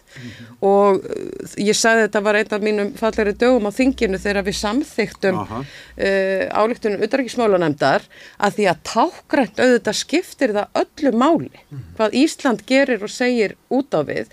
En því miður þá held ég að það var ekki einu barslífi þyrmt þó að við samþykjum þetta. Og, og, og mér finnst stundum eins og fólk svona ætli eh, Íslendingum og bara fólki almennt meira heldur en það getur eins og við erum að ræðum hérna að við erum með eh, gríðarlega stór samfélög, þú veist, við horfum til Bandaríkjana og við horfum til eh, risastóra Evrópu ríkja að vannmátturinn er ótrúlega mikil og það er hugsanlega bara bandaríkin sem að með algjöri stefnubreitingu gætu já. knúið fram eitthvað en, en mér er bara mikilvægt að koma þessu að að því að Já, já. sko Ef við sjáum hins vegar stjórnmálumenn í Evrópu sem að sína þetta hugur ekki, fara fram og leggja allt í sölutar og koma fram í fjölmjölum og tala á fundum hátt og skýrt, jafnvel sko gegn sínli flokkslínu eða þögn í flokknum, Þa, það er þetta fólk sem að skipti máli sem að kemur fram og talar og, og er ekkert að gefa afslátt á siðferði sínu, lætur hátt og skýrt í sér heyra, eins og Jóni Barra satna, ekki sá þeirra spánar. Eða, hún er ráður að landbúnaðarmála. Hún, sko, hún, hún kemur yðurlega fram bara og, og hár, tala hári rödu og margir þingmenn í Európa-þinginu og í þjóðþingjum á Írlandi og Skotland og víðar. Þetta skiptir máli, að fólk láti sér heyra ef þið misbýður atverðli að framferða eitthvað ríkja þá segir það upphátt. Það er það sem skiptir máli vegna þess að þetta hálkák og þessi svona meðalþögn hún kemur til með að það er að versta sem að til er vegna þess að þessi passífa þögn í kringum þetta og þetta svona rétta svona aðeins að snerta á þessu það viðheldur þessu ástand. Nú hafa bara tvö þingi heiminum stíðið fram með svona álugtum þannig að ég held að við séum Þessi, mál eru, þessi mál eru líka mál sem að bara snert okkur öll sem bara borgara í, í, á, á þessari jörð. Og okkur ber að bregðast við því, okkur ber bara borgari er skilda til þess að segja skoðanir okkar. Þó svo að, að, að þú veist, ég sé ekki að, að koma þarna, að þá ber mér að, að hérna, lýsa yfir sko minni afstöðu í þessu máli. Ég, Það er líka- ég, og það er sama á við um Úkrænu og fleiri mál sem að, þú veist, þetta séu utarrikismál, þá er þetta líka bara innarrikismál, Já, já. tengist bara örokku, öryggi okkar og, og heimsins og hvert að heimurinn er að þróast og, líka. Já, við verðum að láta heyra, Já. sko. Ég held að ég segi það líka gætnan að, að hérna, þessa deilu fyrir botnum meðarhafs það eru, eru tvær evróskor höfðusindir sem að, sem að liggja hann að bakvið og þar annars vegar er það, er það eh, antisemitismi, það sem að, gyðingar gengu í gegnum alveg gríðalegar hörmungar og hrylling e, í bæði í Rúslandi á sent á 19. öld og reyndar í gegnum sögun og síðan auðvitað endar það í helförinni sem er evrósk, evrósku hryllingur og hins vegar það nýlendustemnan. Að þetta tvent sem sagt að þessi annars vegar það að, að, að þú skapar uh, gyðingum bara þannig þannig lífa þeir geta ekki hugsað sér að búa lengur í, þessum landum og treysta ekki stjórnum þeirra Já. og hins vegar þá það að, að Everbúar haldi og, og bandarækjumenn haldi það að þeir geti leist þetta með bara að flytja á eitthvað annað eh, og vísa þá í biblíun og svona en ég meina Jú, biblían er ágætis plagg en, en biblían er ekki fastanskrá, ég meina það er, þetta er ekki hérna, þetta er ekki þeir sem er að flytjast þannig núna er ekki, byggur ekki gær eða fyrradag, ég meina það eru mörg hundruð ára, þúsund ár og ef við búum þannig að, að ef við sé, búum til þannig kerfi að, að ef einhver hefur búið einhver staðar að hann getur bara komið þá einhvern tíðan 100, 200, 300, 1000 ára setna og sagt Írar getur komið hérna og til heimta dæmis. Já, lönd já. auðar djúbugu. Já, þannig að, að það auðvitað, það, það auðvitað var gengur ekki upp. Herðu, sko, ég ætla að skjóta þess inn að því að ég sá þú varst að kíkja á klukkuna að hérna, við erum að fara að tala í jarðfræðingu eftir. Og eins og allir jarðfræðingar að þá hérna, ræður hann ekki alveg tíma sínum þannig hann tefst aðeins. Þannig að, að, að, að það er ekki það er ekki þýstingur á að flýta. Ég ætla samt að hérna sko, skiptum málefni en, en vera áfram í útlöndum. Má ég skjóti neinu um gýðinga áður en við höldum að mér finnst þetta svo mikilvægt og að við komum því líka á framfæri hér að samfélug gýðinga um allan heim eru að fordæma Ísrael. Hlutir. Já, og finnst sko, Hlutir. já, hluti, ímis samfélug viða um heim. Ótrúlega margir. Þannig að mér finnst mikilvægt að að halda því á lofti að, við, að þetta er ekki eitthvað gýðingar og Nei. þetta eru sko síanistar og Hamas frekar. Sko. Og þetta er ekki heldur sko muslimar og geðingar. Nei, nei, það, það er eru nefnilega hérna sko. alls konar fólk sem aðhyllist Íslam sem að stiður ekki hriðjúverk Hamas. Og það að þú varst að tala um að því að það var ræða sem var nýra á þingi sem hann Birgir Þorrensson held og ég las hana. Mér fannst hann ekki hérna, þú veist alveg að vera góður andi í húsinu. Þar er hann eiginlega að þylja upp sko, hérna, hann er að fara með endur segja 47 mínútna mynd sem að Ísraelski herin hefur tekið saman um, um hriðjúverk Hamas og hann er að þylja þetta upp og þetta er nákvæmlega sko áróðurinn sem að felst í því að úr því að þeir hérna, hegðu þessi svona að þá getur við drepi konur og börn á kassa. Já, Sko já, andin í já. húsinu var mjög góður Já, en það var auðvitað Já. þannig að ákveðinir þingmenn Já. eh, fjallu í þá grifju að fara í grafískar lýsingar af Já. börnum í bakarofnum sem er engum til gags Nei, nei. og sti stilla upp eitthvað svona þessum andstæðu pólum og mér fannst það hvorki verða þessum ákveðinu þingmönnum eh, til eh, hérna frama eð, eða okkur sem, sem uh, alþingi sko. Þetta er við- vísun í það að þessi sam ábyrð þannig ef það eru hérna hriðverkamenn sem eru muslimstrúar að þá megum við myrða alla sem eru muslimstrúar. Sko það sem við verðum bara að, það sem verður hafa af leiðaljósi er það að við viljum koma á friði.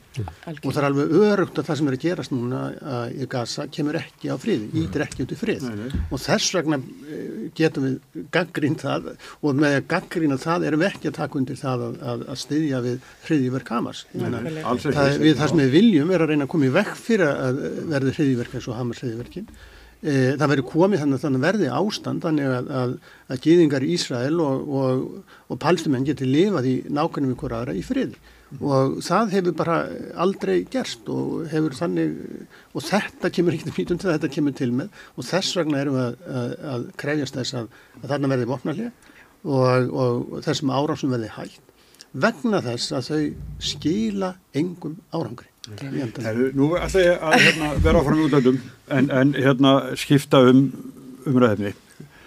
Guðmundur Haldansson, sérfræðingur í bandarækum stjórnmálum, sagði smári á hann. Sem hann er, það eru fleiri sem já, já, já, já, já, já, ég var að taka undir þetta. Heru, en það er hérna, nú stefnir allt í það að Donald Trump verði aftur fórseti bandaríkina. Já sko, ég saði hérna fyrir kostninga 2016 að hann getur aldrei verið fórseti, þannig ég ætlum að tala varlega. Eh, ég held hins vegar að, að, að, að það verði ansið erfitt fyrir hann að vinna af því að, af því að hann mobiliserar ekki bara sína stöðnismenn heldur líka landstæðingarna. Það verði svona, svona helsta vopn Joe Bidens í kostningunum verði það að hann er að keppa móti Trump að því að menn bara get ekki síðan fyrir sér að Hann gerði það síðast, sko. Já, já, alveg, alveg þessu. tímalöst Já. sko og, og hérna og ég held bara, bara rétt að vona að það takist af því að, af því að það er frétti sem maður heyrir af, af því sem að, sem að Trump ætlar að gera ef að eða þegar hann verður fórseti að það eru, eru sko ekki, ekki neitt sérstaklega uh, svona ekkert sérstaklega skemmtilega lýsingar sko, byggja upp hérna, fjölda fangabúður fyrir hérna, fyrir, fyrir hérna ólulega innflytjendur og, og hérna nota domstólana og, og hérna e, og, og, og hérna dómsmálar ráðniti til þess að, að hérna, koma anstæðingum sínum í fangelsi og, og svo fram sem að minna að þetta er bara, bara skiplat þannig, það er, það er bara, er hópanir að vinna að því að búa til, þannig að bara á degi, fyrsta degi að þá sé þetta fara að hefja þessar, þessar hérna, þessar aðgerðir. Og Og ég, það er alveg ljóst að, að, að Donald Trump, hann segir það sjálfur, hann, hann hefur bara líst í yfir, hann er, hann, hans helsti eh, svona, hvað maður segja, hugmyndafræðingur er, er, er Viktor Orbán og, og sem er nú ekki endilega besti vinnu líðræðisins og, og hérna þannig að það yrði skjálfilegt en Jú, það lítur út þannig í, í hérna skoðanumkonnum að, að Trump uh, hérna hafi svona meira fylgi en, en ég er svona vona að skynsuminn kom uh, svona, en hins vegar er það að koma líka núna, það eru svona fleiri uh, fara að bjóða fram og það bandarísk, sem sagt, bandarska kostningar eru þannig að, að, að hérna, sem sagt, það er ekkert alltaf svo sem fær flest atkvæðin sem verður kosin, þetta, það eru, það, það getur, þetta getur skeikað, eins og gerist árið 2000, þá munaði, það voru, eitthvað, eitthvað, það voru innan við þúsund atkvæði og reyndar held ég ekki verið með, á endan með svona 200 atkvæði í Flórida sem að, sem að skildi á milli þess hver var fórseti og það var sá sem fekk þremur miljónum atkvæða eh, hérna færri atkvæði sem var fórseti eh, í þessum kostningum fekk eh, Ralf Neider fekk yfir 60.000 atkvæði í Flórida eh, og það er alveg ljóst og að, að það var til þess að, að, að Bush hérna, var fórseti eh, Ingrid Bush árið 2000 og, og hérna sem er svona daldið, daldið grátlegt að því að hann var að keppa við það Ralf sér framfyrir græningja og e, sá sem að e, tapaði kostningunum þá var eða svo eini stjórnmálumar í bandaríkunum þá til að Joe Biden núna sem að raunverulega hefur haft umhverjastefnu að, að hérna svona að miskosti svona ofalega hjá, hjá Gór sérstaklega þetta var þetta hefur alltaf verið hans stóra mál. En uh, þannig að það, er, það þarf ekki mikið að gerast þess að Trump verið kosin ég hefast um að fái meiri hundi atkvæða og fær það alveg öruglega ekki en, en ef, að, þetta leggst þannig að, að hann vinnur eh, nógu mörg af þessum, af þessum fylgjum sem eru svona eru, eru það sem er raunvöleg samkeppni það eru, það eru, það eru ekki samkeppni í stóð, stærstum þetta fylgjum, þetta eru kannski svona fimm fylgi sem að Konunni núna í vikunni að hann hafði góðan, Já. gott forskot einmitt í þeim fylgjum. En það er eins og er ekkert að, eh, það er ekkert að marka það, það ennþá en, en það er, við skulum orða þannig að það er ákveð ákveð. Þið? En af hverju fær einstaklingur eins og Donald Trump svona mikið fylgi Mm. í þessu stóra líðræðsíki?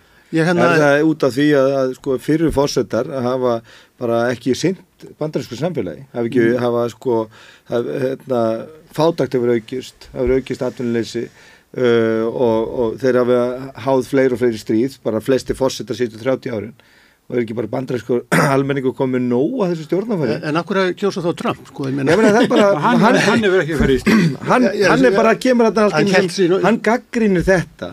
Hann bara óhrættu gaggrínir þetta stjórnafar sem hefur ríkt í 30, síðustu 30 ári bandarækjunum og, staðrindin að þessi maður með þessar öfgarskoðanir að hann fær fylgi til þess að vera fósetti út á einmitt það að tala inn í samfélagið og ætla sér að styrkja innviðina og, og, og hann gera það svo ekki en bara þetta höfðar til almenning, þess að hefur ekki, úst, af hverju, hver- hver er jarðvegurinn? Það var einhver sem sagði eftir kostningarnar Hillary og Trump sem sagði það að almenningur hafi frekar kosið bullukoll heldur en ligara sem er svona, já, við anda þess að þú það segja. Já, það var bara þessi þreita almennings á stjórnvöldum eins og hafa verið sem eru náttúrulega afskaplega fjarrri almenningi stjórnvöld í bandaríkjunum. Það er náttúrulega, þetta er hálfgett eliturland, þetta er ólíkarkarland, þetta er landa sem að í ríku stjórna stjórnmálunum. Já, það, ég heyrði sem sagt stjórnmálskýrenda bandarískan segja sko að eina megin ástæðan fyrir því að Trump, Trump hefur alveg ofbúslega stert fylgi en það er bara svona 37% sem, að, sem stíða, þeir stiðja um hvað sem hann gerir. Og hann lísti sjálfur yfir að þó að myndi skjóta mann á, á hérna 5. breystræti í New York að þá myndi það samt vera kosin, myndi kjósa hann og það, það virðist vera þannig.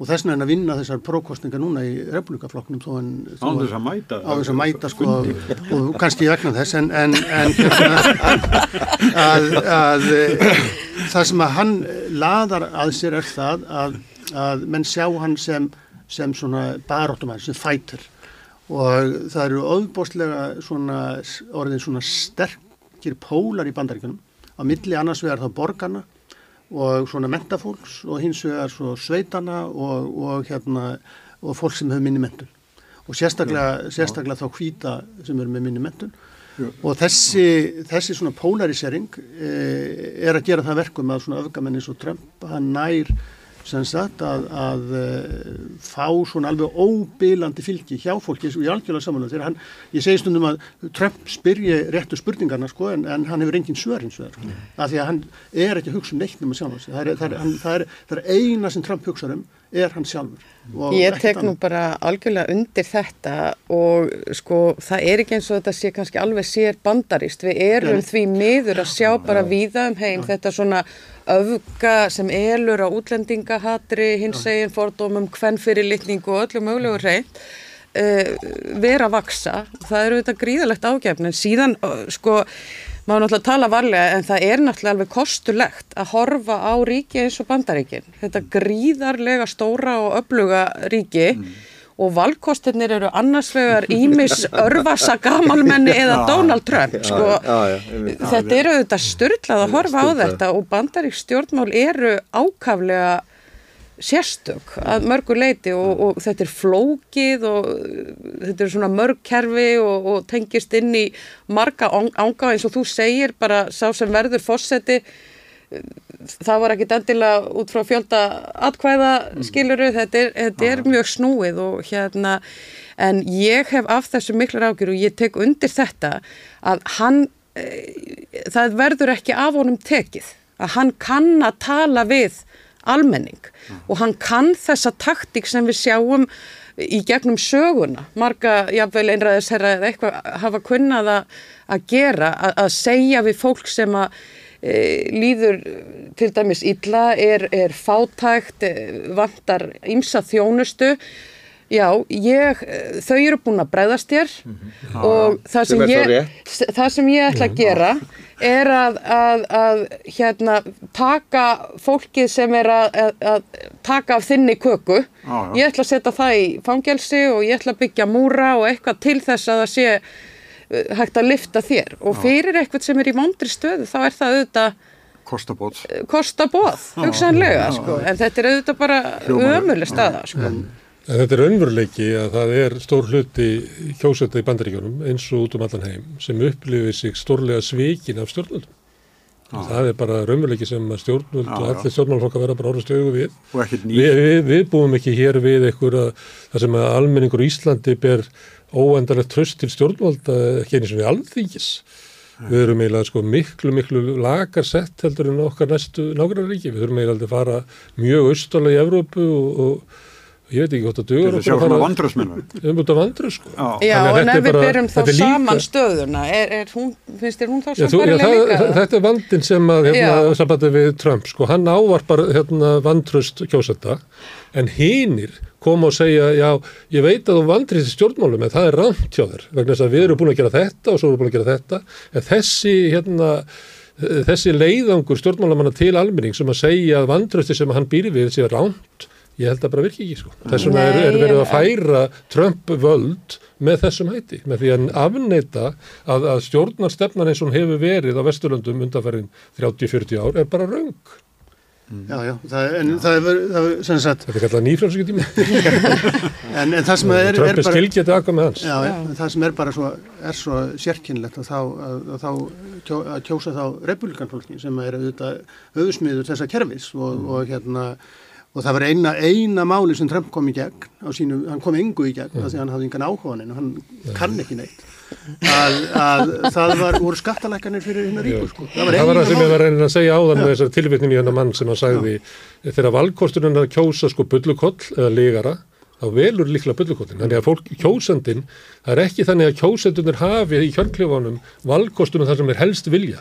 En- standa En- frammi fyrir afleitum kostum. Ég held Donald að- Trump En eða bara- maður sem að ég veit ekki hvort að lifi til dag kvölds. Já, Ég held að, séu bara... ég held að, held að þarna við erum að gæta okkur hann sko. ég held að raunverulega hafi Joe Biden verið einhver farsalasti fórseti bandaríkjana síðustu 20-30 árin. Já, og, já. og hann hefur og, og það er bara verið að búa til um að lesa morgunblæðið að þá er eins og það er eins og maður sé sko heiladöður sko. Já, já. En hann, hann er það ekki. Hann, hann, er, hann er orðin vissulega orðin gammal hundgammal en svo sem ekki Það er eitthvað að Trump. stjórnmálakerfi sem ekki getur valið sko fóringja og einhver leiti er þetta líklega virtingamind þess að það er eiginlega enginn sem að fellur, nei þessi er á rótækur, þessi er Já, okkur svona já. og það siti þá uppi með hérna, eh, langafa Já. sem að enginn, þú veist, nennir að, að ég ég hef hverjum með langafa. Það er Nei, það er Ég eitthvað, verð er nú að líka fá að eitthvað, bregðast aðeins við hérna, Ok. nei ekki langama, heldur hérna ræðunniðinni hér áðan, að uh, auðvita, þetta er alltaf það sem er svo snúið í stjórnmálum. Það er mjög auðvelt að sitja og segja stjórnvöld allra tíma allstaðar í heiminum hafa verið ömurleg og brotið á, á líðunum í landinu. Og, og hva, hvað eiga stjórnmálinn þá að segja? Já, þetta er bara rétt hjá þér og nú gerum við eitthvað allt annað. Við Ég- höfum ég- flokkakerfi. Ég er að vísi í skoðanakannar sem að Já, sína þetta. já, ég er ekki, ekki, þetta er ekki mín persónu nei, skoðun. Sko. en ég er að segja það að, að ég er mjög meðutið um vantraust á stjórnmálinn og við höfum séð sko flakka á ákveðna stjórnmála menn frá gríðarlega miklu trösti yfir í mikið vantraust. Og, og já. svo er talað um bara það er alltaf allt sveikið og skiptir einhver máli hvað maður kýs og við þekkjum þetta alveg. En það er auðvitað þó þannig að við verðum að horfa líka í staðrendir um hvað er gert af hverju er það gert af hverju eru við núna með fjárlög sem eru aðhaldsum, er það bara því að allir eru vondir og spiltir eða er það hugsanlega því að það eru mikil stríðsátök og heimsfaraldrar og ímislega sem þarf að breyðast við, af hverju er húsnæðismarkaðun, að ég veit að sumir hafa áhuga honum meira en aðrir, af hverju er hans núin, er það bara því við erum svo vanhæf stjórnvöld eða er það því að okkur er að fjölga gríðarlega hratt? Og, og uh, sko, skiljið, þannig að þú veist, já, já. þetta er þetta og við vitum það, þetta er snúið. Ég, ég er ekki að kenna einhverjum um ástandi, ég er bara að benda á, kannski, nei, kannski eigum við að horfast í augu við að þetta er ástandið og þetta er, ég var að hlusta á endurflutta þátt núna í morgun, uh, Ólafur Þótt Harðarsson að tala um, um stjórnmálaransóru sínar. Ég hlusta á hann. Eitthvað í tengslum við held ég norðan fræði, ég veit ekki okkur hvernig þetta var. En hann er að vísa til þess sem hann er oft sagt áður, sko, að, að það er alveg augljóst að almenningur er rampólitískur. En það er alveg ljóst að sko traust almennings á stjórnumálaflokkana og líðræðiskerfi sem við höfum hefur fallið niður og við verðum að horfast í augu við það. Því að ég held að ef við horfumst ekki augu við það, þá munum við, þá munum hérna, stjórnmálin okkar verða populísk. Ekki það að, að, að Trump eða Orban og fleiri komi sem að munum líklega að gera, en, en það líka bara þeir stjórnmálflokkar sem við erum með verða bara populískari. Ég held til þess að við sem að horfa upp á það sjálfstæðsflokkurinn, hann er að verða populískari. Við sjáum bara uh, gamla uh, virðulega blaðið þeirra sem er orðið populískt, sem er bara einhver fáranlegur áróður hérna annars vegar. Og svo haldar upp í lestri með því að vera með smartland þar sem eru að segja einhver sé að selja húsið sitt, einhver sé að skilja. Og svo dælaður inn einhverjum áróður yfir hliðina.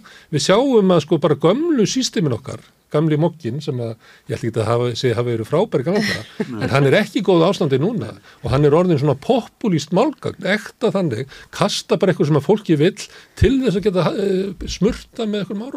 Já, já. Þannig að þetta Já, er líka svo er það nú líka stundum þannig að, að stjórnmálafólk er Já. ekki tilbúið að stökkva á þann vagn. Hann tók nú góða lýsingu þarna í morgun og sagði uh, stjórnmálamæður sem að horfir á skrúðganguna og sér hvert hún er að fara og hleypur svo framfyrir og er fremstur. Mm. Það er mjög góð lýsing á populisma. en kannski er það nú líka svo að, að, að sumt stjórnmálafólk og sumar hreyfingar fá á sig blástur og, og, og tapa fylgi af því að þeir eru ekki til í að fara þennan var. Þurfa líka? Eh, ég er bara almenn, eru við ekki bara almenn spjall hérna það getur gæst náttúrulega það stjórnmálaflokk er í einhverju fáminni göngu upp á barónstík þegar að gangan er á leiðinni niður lauga og endur svo bara allir í ekki? En, hérna, en já, þetta er, þetta er ótrúlega snúið og ég er mjög meðvituð um það og við sjáum það hvort sem það er á Íslandi eða bandaríkjónum eða bara víða í heiminum að, að stjórnmálinn er alltaf snúin og að því erum að vísa í þetta góða samtali hérna við hann Ólaf í morgun að hann myndist þarna á talaði til dæmis um, um bestaflokkin og pírata og ímislegt sem að koma inn sem eitthvað svona andófi gömlu uh, en hvað gerist svo? sem er hluta þessari populísku breytingu Já, já, en hvað gerist svo? ég held að, Fara svo ekki bara flokkar sem eru byggðir upp uh, á einhverju annari hugmyndafræði og fara inn í pólitíkina? Hva, hvað gerist? eða verða populísir en að því að við erum að tala um þetta að, að því að þið voru nefna húsnæðismál. Það er náttúrulega dæmi um það sem er sko gríðarlega stort mál sem að, að liggur á öllum. Bara ég held að snerti alla Íslandinga en það er eins og sko, það var samt gott að stjórnmálinn séu að finna lausnin á því sko, eða, eða búa til einhverja hverju húsnæðistefna sem við erum með hérna, er verið að breyðast við því? Ég ætla ekki að vera, vera eitthvað dramatískur og segja að við gætum fengið sko fjögur þúsund grindvikinga til viðbótar. Ég, það, það er ekki dramatík í því. Það gæti, bara, gæti verið það gæti bara gerst. Og ég meina það að, að, að hérna, húsnæðismálinn séu í óleistra á Íslandi það er bara, er ekki dægur ástand. Mm. þetta samtali búin að eiga sér staði í 15 ár stanslust og þetta er búið að sko vera vandamál bara frá því snemmettir aldamátt. Þetta er kerfislegt og hugmyndafræðilegt ástand. Þetta er ekki út af því að við fjölga svo mikið útlendingum hérna síðast, ári. Það var nákvæmlega sem fréttaflutningur á húsnæðismálum landarsetta 2013. Bara nákvæmlega saman, þetta er bara að breyta dagsetningum á fréttum frá 2013 og 2023. Nákvæmlega sama umræða um, um skorta húsnæði og skorta framtíðarsýn og skorta á, á ábyrði í þessum málum. Þetta er bara, þetta er kerfislegt, þetta er hugmyndafræðilegt og það eh, er algjörl útsið með það að, að markarum mun ekki leysa þetta vandamál.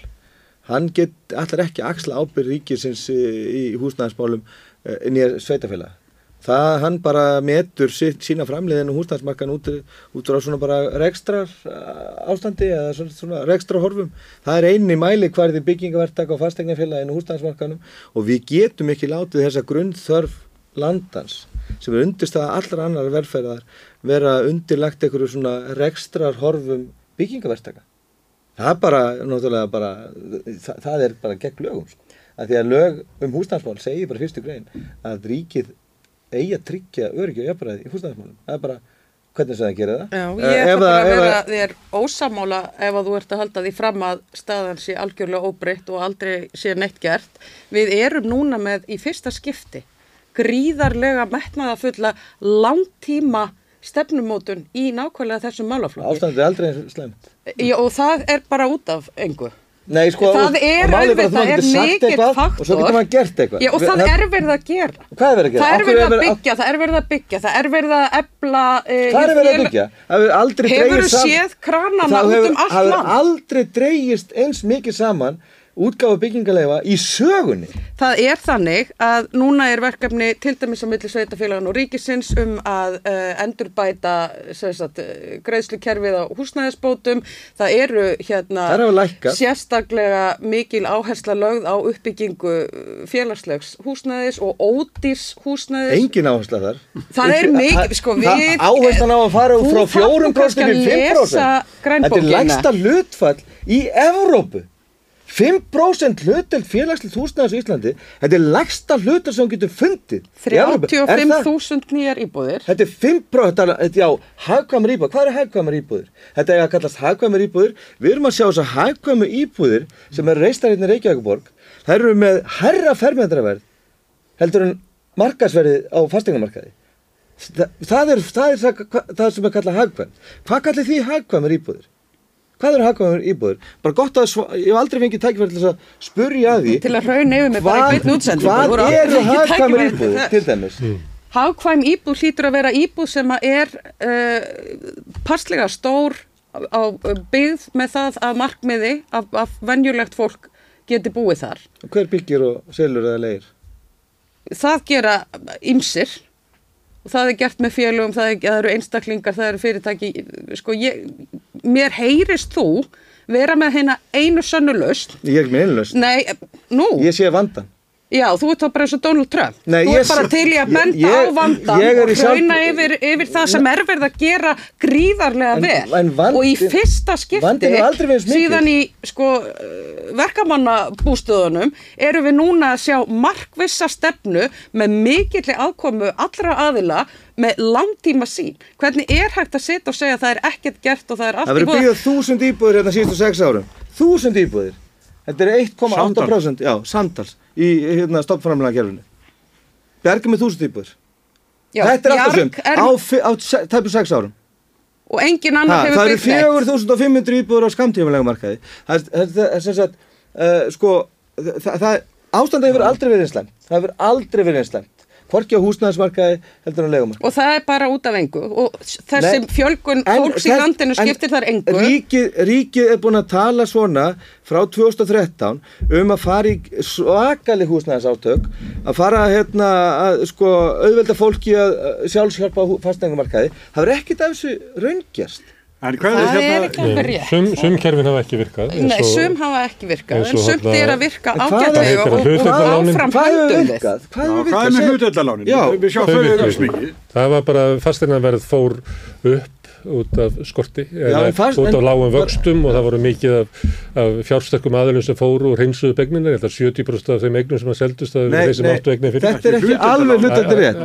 En það er alltaf hækkaði verði þannig að sko það sem að uh, unga fólki átt að fá stuðning til þess að komast inn á markaðin það fundust ekki íbúði sem að fjallu inn í ramman En veist af hverju? og það leist Ástæðan er svo að þegar laun eru sett 2016 þá er sett inn í reglugerðina að þeir byggingavertakar eða aðeins sem taka þátt í þessu hlutaldanum þeir þurfa að skila gögnum um byggingakostnað Það er til þess að fylgjast með því að þetta sé í rauninni hagkvæmt hús, hagkvæmt húsnæði.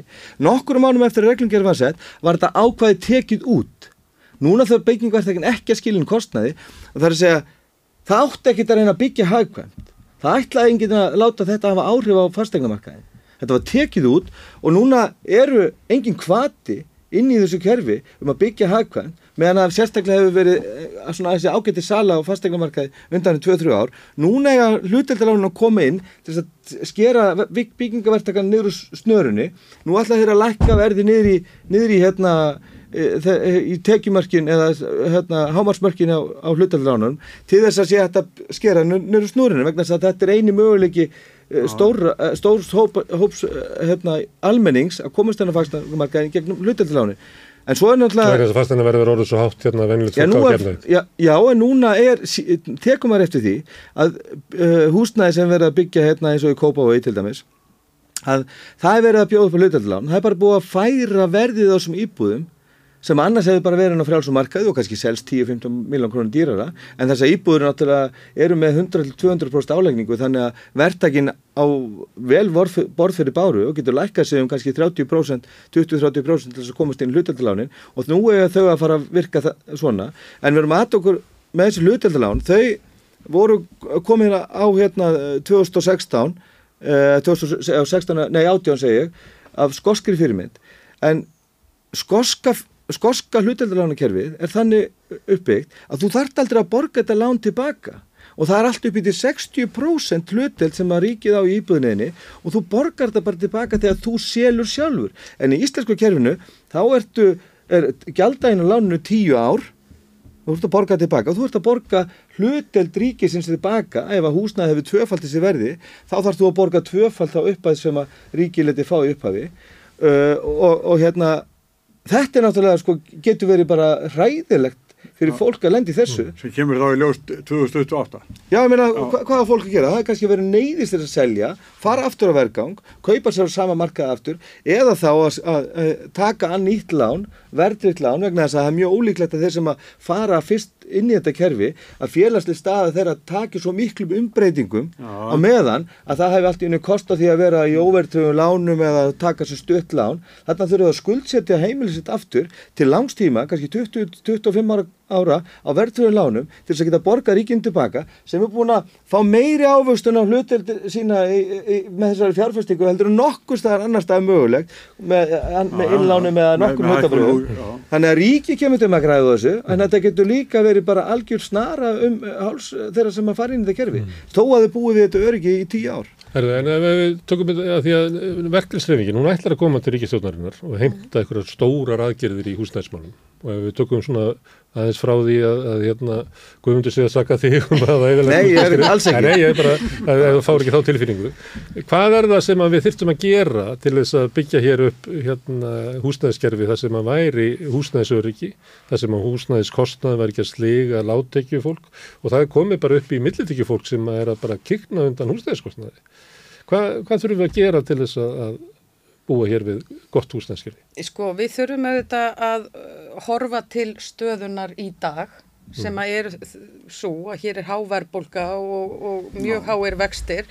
Þannig að ég myndi nú segja að grunnverkefnið er að ná því niður og í því er eru stjórnvöld að vinna og, og þess merki að það sé að ganga. Uh, svo ætla ég bara aftur að, að nefna þessa uh, grænbók sem kom út með mjög markvissum öflugum langtíma áætlunum í húsnæðismálum. Þar sem að þriðjungur íbúða er hugsaður fyrir sko, þá tekjulæri mm. og ég ætla bara að ítrekka það hér að það er auðvitað þannig að, að uh, það skiptir máli, uh, við getum ekki bara borið saman ártöl eða bara upphæðir, það er auðvitað þannig að bæði er samfélagi búið að breytast gríðarlega, ekki bara með gríðarlegum fjöld uh, fjölgun íbúa heldur höfum líka bara breyst sem samfélag við gerum alltaf kröfur til húsnæðis heldur en við gerðum og því að það er spjóð hvað er hérna ódýrt húsnæði. Það er ekkert svo langt síðan, ég er nú ekki gömul kona en, en þú veist, það var ekkert óæðilegt við það að leia pínu litla kjallara íbúð með tvö börn mm. skilji. Við gerum líka hærri kröfur, uh, húsnæði þarf að hafa ákveðin standard og, og ég er ekki að tala um þá sem eru í hryllilegum vanda því mjög er ég meðvitið um það.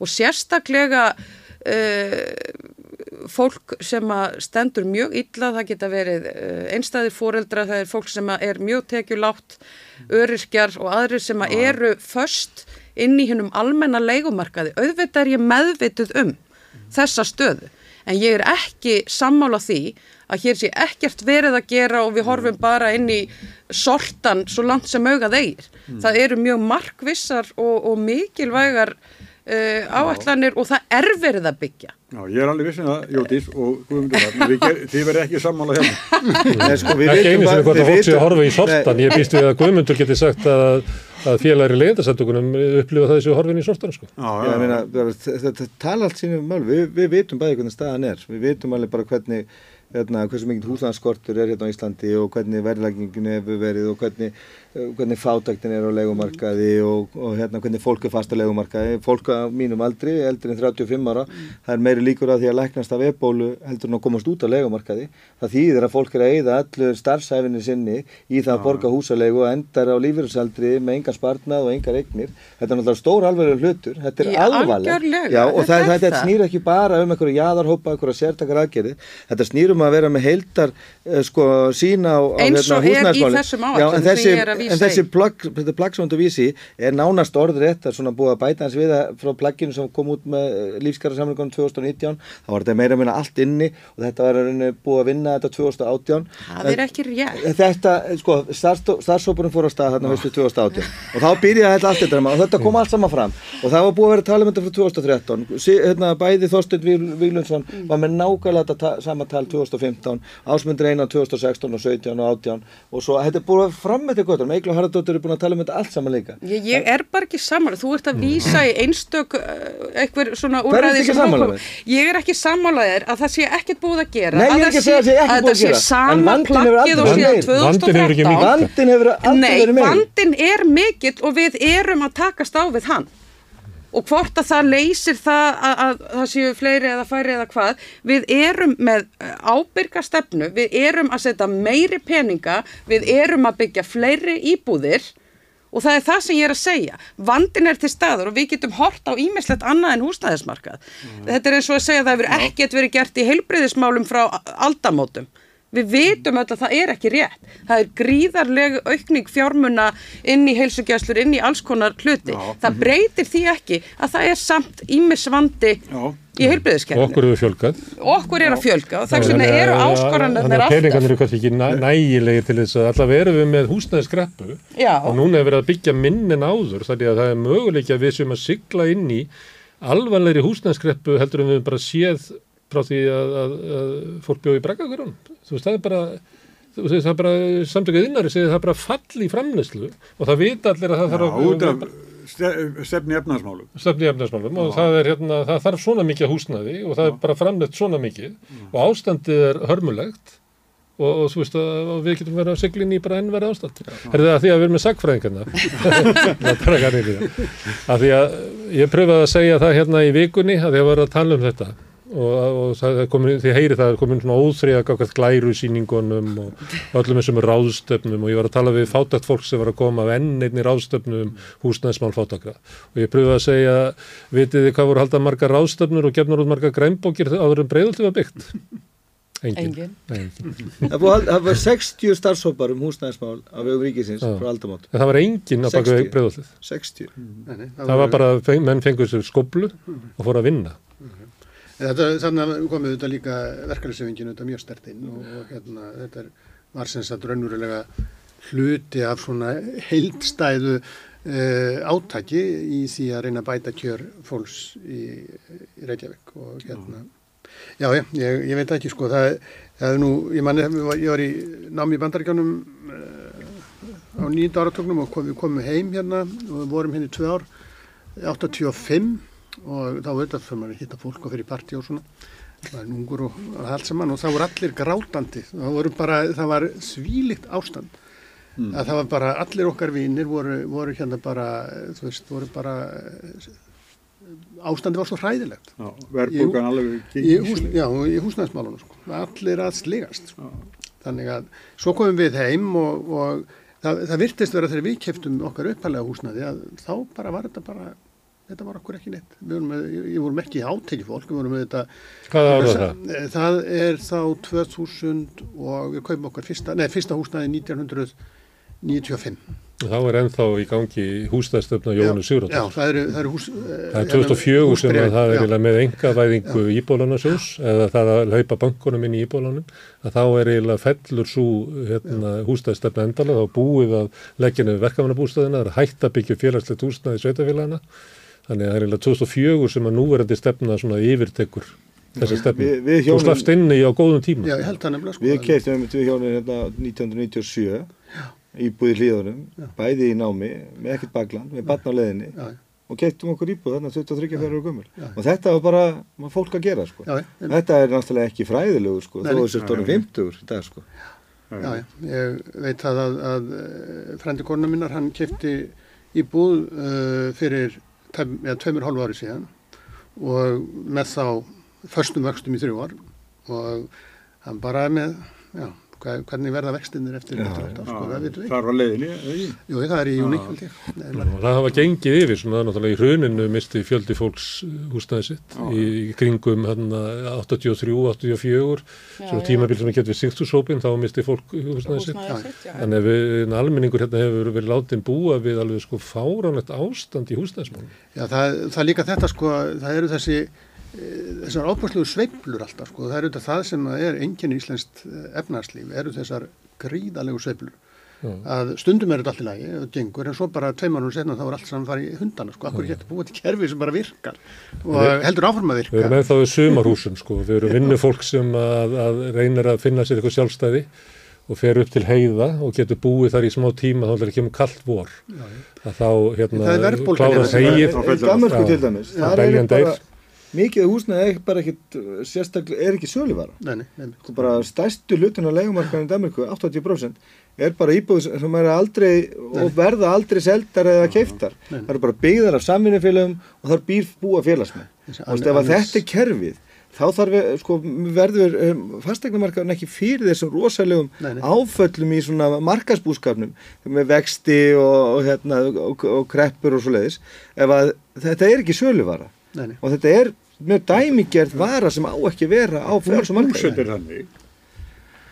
Já, vissu leiti. selur inn í kerfið, það eru svolítið dýrar Já, íbúðar mjög dýra, svona Það er eitthvað- high-end, eh, svona shared ownership eins og kanni myndi kalla þetta, þetta er nú ekki kannski eins og hefbundin samvinnufélag í Danmörku og Svíþjóð sem eru reikin á cost base og bara hérna, eh, sko, það sem að leigan lækkar vegna þess að sko leigan endur spekla bara upprunlega byggingakostnað pluss eitthvað 1% í viðhald og ekkert annað.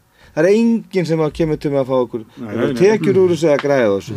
Þannig að leigan yfir- lækkar voru yfir yfir tíman. 10.000 íbúðir í verkefnabústofunum og hérna var verið að koma fram að Bjarg er búin að ná að byggja 1000 þannig að við erum á svo miklum nullpunkti eða mínuspunkti með að við hvernig ástandi var bara Og fyrir aldamót sko. samvinnufélög, það voru byggð næstu 20.000 íbúður í Mm. húsnæðarsamvinnufélags fyrirkomulagi hérna fram að aldamótum.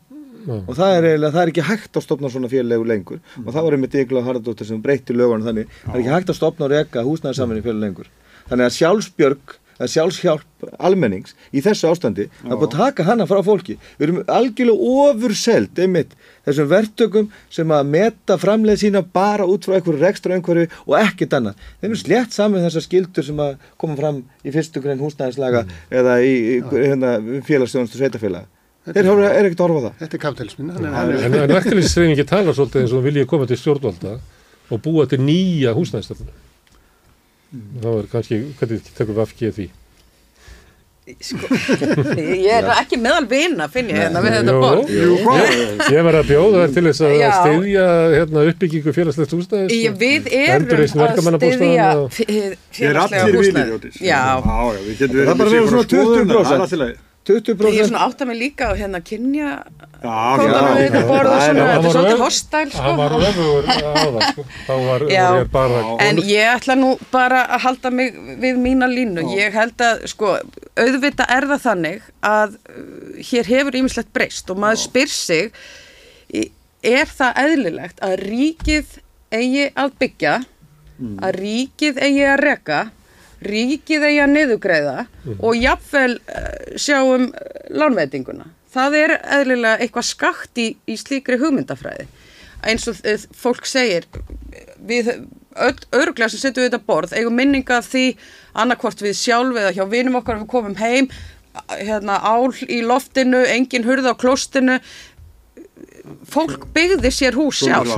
og ímislegt og í þessari stöðu með, með verðbólgu og vexti að þessu marki sem við erum að horfa núna þá er það auðvitað mjög flókið fyrir einstaklinga. Og ég tek alveg undir með guðmyndi að það er mjög flókið að þeir sem að eiga húsnæðið og hafa getað sankað undir sig fleiri, fleiri, fleiri fastegnum og stýra svo leiguverðinu auðvitað er þetta umurlegt ástand.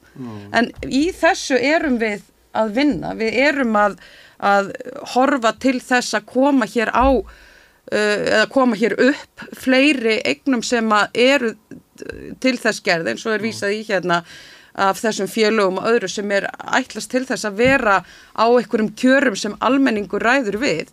Ég sjálf uh, þekki það vel að búa við sára fátækt og að verið fátækur námsmaður og hafa verið först á leigumarkaði ára tögum saman. Ég veit alveg hvað við erum að ræða hérna og þetta er ekki, ekki, ekki staða sem að nokkur manneskja, en við leysum þetta ég við leysum þetta og við erum að því. Já, ég ætla að segja ykkur líka, það er hérna minn stór og laung sprunga hefur opnast á nokkru stöðum í og við grindavík vegna kvíku innskotsis. Almáttugur. Þannig að það, það er eitthvað að gera starf en eh, sko, við erum búin að tala saman lengi, það er kannski sko, þessi efnaðsmál sem að eru náttúrulega sko, þetta er alveg skelvilegt, við talum á þann að það er snjóhingja bara sem losnar á næsta ári, fólki sem er með sko Svo heyrði ég líka umræðu í morgun eitthvað starf, já ég náði ekki samstöðin inn í bílnum og enda út af það er bara að vera að tala um það að, að þeir einir fyndu fyrir vex, vexta hækkunni sem, sem að væri sem sagt, með óvertri lán, þeir sem er vertri lán finn ekki fyrir henni, en þetta er náttúrulega algjör ángindi því að náttúrulega þetta eigur svo verðbólguna sem er í gangi og, og lánin hækka og, og það saman sko. og verður engin eignamöndun og svona? Nei, nei, og dregur úr henni bara ef, ef, ef hérna var, sko, þetta er auðvitað, þetta er auðvitað raunverulega hvað maður segja, gallin við Íslands efnarslífur allatíð verið eftir að við komum hérna með svona nútímalegt efnarslíf að það er, eru þessi verðbólguskot að, að ef að þú lániðin hækka bara allt í einu um úr því að vera kannski 3-5% vöxtum upp í það að vera með 10-15% vexti að þá þetta og það er ekki, launin hafa ekki breyst þá þetta hlýtur það þetta ávísun á, á skjelvingar sko. og e, það, það er svona hefur þetta alltaf verið og þetta eins og þú ert að lýsa e, þetta þegar menn byggu í þessum íbúðum ekki einu svona hálkláruðum e, langt í frá að, að það var vegna þess að það fekk engin lán. Ég meina það fekk engin lán. Menn urðu bara að, að. Já, og, og það var ekki hægt að safna fyrir neinu af því að þú gast ekki komið pening staðar fyrir. Þú bara fórst að byggja og síðan bara vannstu í 20 Já. tíma sólarring og, og hérna vannst í íbúðinni þinni sjálfur og, og svona. Ég meina, eh, og þetta var verðbólgan. Verðbólgan hafði getið upp uh, hérna uh, allt uh, sparifíja og, og hérna lánsfíja og, og svo frammiðis mm. uh, og þess vegna er þetta alveg gríðarlega mikilvægt núna að ná tökum á verðbólkunni uh, en því miður að þá er maður svolítið rættum að þetta sé nú ekki síðasta sinn sem verður verðbólk í Íslandi sko, það er nú ekki mjög langt síðan að við þurftum að glíma við alveg gríðarlega Ég, ég var bara að skoða bara núna nokkur djóðan síðan uh, bara 50 miljón krónar lán í landsbankanum, húsnæðislán sko verðtrygt, halvuleiti verðtrygt og svo óverðtrygt og það var sko 240.000 krónur aðborgarnir af verðtröðuláni það voru sko 650.000 á verðtröðuláni og hvað velu fólk að og sko það, það er þetta sem að fólk sko þessi, þessi snjóhengja mm. það er þessar upphæðir já, já. fyrir fólk sem hefur tekið 40-50 miljonar krónar lán fyrir tveimur án síðan. Það er þetta sem er að fara dett út í. Það er að fara dett inn í þessa mánalegu greiðslur sem eru kannski með 300.000 krónar í dag og eru svona rétt að hafa það. Það eru að fara dett inn í 650.000 krónar uh, mánalega greiðslu bara á, eftir einhverja mánuði sko. það, það verður að sjá hvað, hvaða varnagarðar verður gerir. Það verður maður vona það að, að, að það ég meina ríkið verður að stíga þannig sko, það er bankarnir gera það ekki sko, ég meina það er bara þannig, þeir eru, þeir eru bara kapnars fyrirtæki, þeir, þeim er engi skil En verður kannski svona eigna tilfærsla fyrir að sjá aftur svona eigna tilfærsla eins og var í gegnum Íbáðalansjóð mm. við náttúrulega, nú er þetta engareikna lánastofnanir þannig við kannski vitum með, fáum með aldrei almenlega að vita hvað það er á segði Nei. eins og inn í Íbáðalansjóði það er ekkit ósennilegt að bankarnir munu taka eignir af einhverja þessi fólki já, já. það er alveg líkur í auðvöppi sko. það er það, já Herðu, ég hef ekki að fara Já, já, herðu, það er bara hérna, eldfjallafræðingunni mættur hús. En herðu, Guðmundur Haldansson og Guðmundur Rapp og Jóti Skóladóttir, ég þakka þú kjalla fyrir komuna. Fjöruðar um ræður meira svo ofta sammála, ofta sammála. Við erum sammála. Við erum sammála með ótum já, já, já og eru nú ekki að ræða þetta í fyrsta sinn. Alveg fólk bara hérna, herðu, en hér á eftir að það er Gunnar Smári að sitja eftir og með honum verður Þorvaldur Þorvaldsson og þeir er alltaf að fara yfir hérna, stöðuna í Grindavík Takk fyrir mig að sinni Hvernig getur við réttlætt að helmingur eblingakvönna býr við slæma andlega heilsu? Ebling stjættarfélag. Baróta fyrir betra lífi. Samstöðin er í eigu hlustenda, áhorfenda og lesenda. Heru, þá er komið að því að ræða um ja, stæðstu fréttunar og þá er kallað á jarðfræðing og helst eldfjallafræðing. Þorvaldur Þorvaldsson, velkomin. Já, takk fyrir. Hvað segir þú hérna mun gjósa? Mér finnst það líklega en ekki. Það er ekki alveg víst að það kvika ná allaleg til yfirbors en, en miða við þessar mótelútreikningar sem kom frá veðstofunni. Þá er það líklegast. Já, þetta komir á grína dýp en mm. en hérna eitt kilómetra það getur stundum verið dótið erfið til kvikun að finna sér akkurat leið upp í gegnum síðasta kilómetra Já. og það eru kvikur þarna eitthvað stóra reikinesi sem aldrei fundu sér leið á yfirbröð Já, já, það er til að nóga þeim sko og ef við hugsaum um stóru myndina þá sem sagt kvika sem kemur úr möllunum og inn í skorpuna sagt, á miklu dýpi í jörðinni og, og, og, færi sér inn í skorpuna mest af þeirri kviku, 80% þeirri kviku, hún enda sem innskot í skorpunni Já. hún næri ekki allaveg til yfirbórs í eldgótt, bara um, um það byrjum 20% mm. af þessu næri allaveg til yfirbórs og, og gís mm. En þessir komin, það er ekki þannig að það séu 20% líkur á gósi núna, myndur þú segja? Nei, neina, það séu tölvert herri Já, það... og ég myndur ekki segja að það var í vissa fyrir gósi en, en, en það verður mjög nálægt í að, að, að hérna hafa það sko.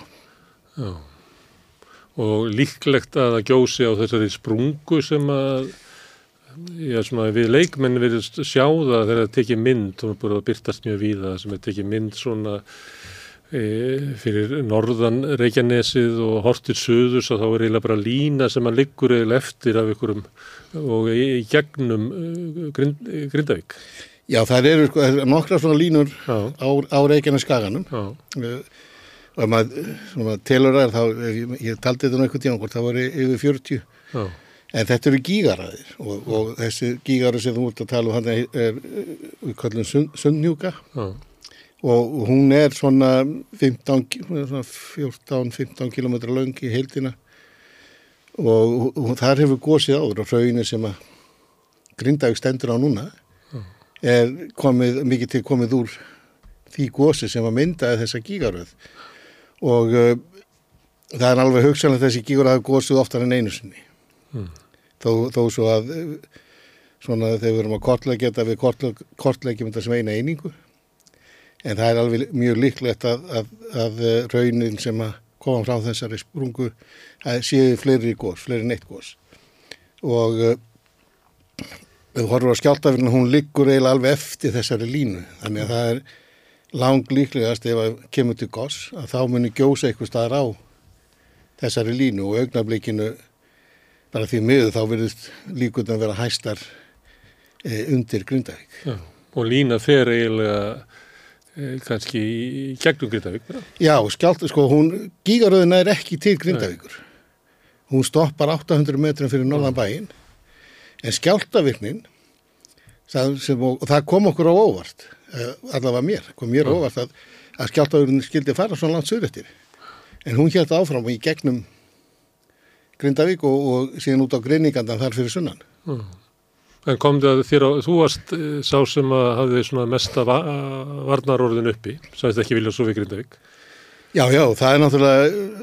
Og síðan eitthvað tveimundum setna, að það eins og ég upplýði þetta, að þá já. voru aðrir sem ekki vildu ganga svo langt, sögðu að það væri svigrum ef að eitthvað myndi gerast, að þá gæti verið hægt að senda út, ég held að Víðir hafi sagst vilja sofa í, í Grindavík. Já, já. En síðan gerist það að þetta kvikvinnskot fer eiginlega bara eftir þessar línu og alveg undir bæin. Já, og, og, og lengir þessa línu eins og við þekktum hana Já. og undir bæin og út á greiningarnar. E, ástæðan fyrir ég sagt, var með þessi varnára þannig er ekki, bara það eh, það kemur til elgós. Þetta er líka náttúrulega skjáltarnir, skjáltarnir eru líka vá og, og við tókum nú eftir því núna fö- á, á, hérna fyrstaðs eftirmyndaginn. Þetta, þeir týsta resilega og það hrinu, getur runið úr hillum og annað og Það verður bara að rífa vegi, rífa hús. Já, já, og þú keirir yfir sprungu og, og það, það geta sliðis komið til að því, sko. Og uh, þannig að það var nú svona, uh, svona í, í grunninn hjá mér var hvort tvekja og eins líka þessi möguleiki sem við gátum ekki útilokað. Þó að maður er ólíklegur, þó að maður er ekki líklegast að sviðsmyndin og með að við getum ekki útilokað sviðsmyndina að þá verðum við að taka tillit til hennar í okkar plönum og aðgerðum. Já. Og sérstaklega ef að váin er, því meiri sem váin er, að því minni þurfa líkunar að vera til þess að að hafa varan á. eða ekki? Já, var bara sem dæmi að, að hérna,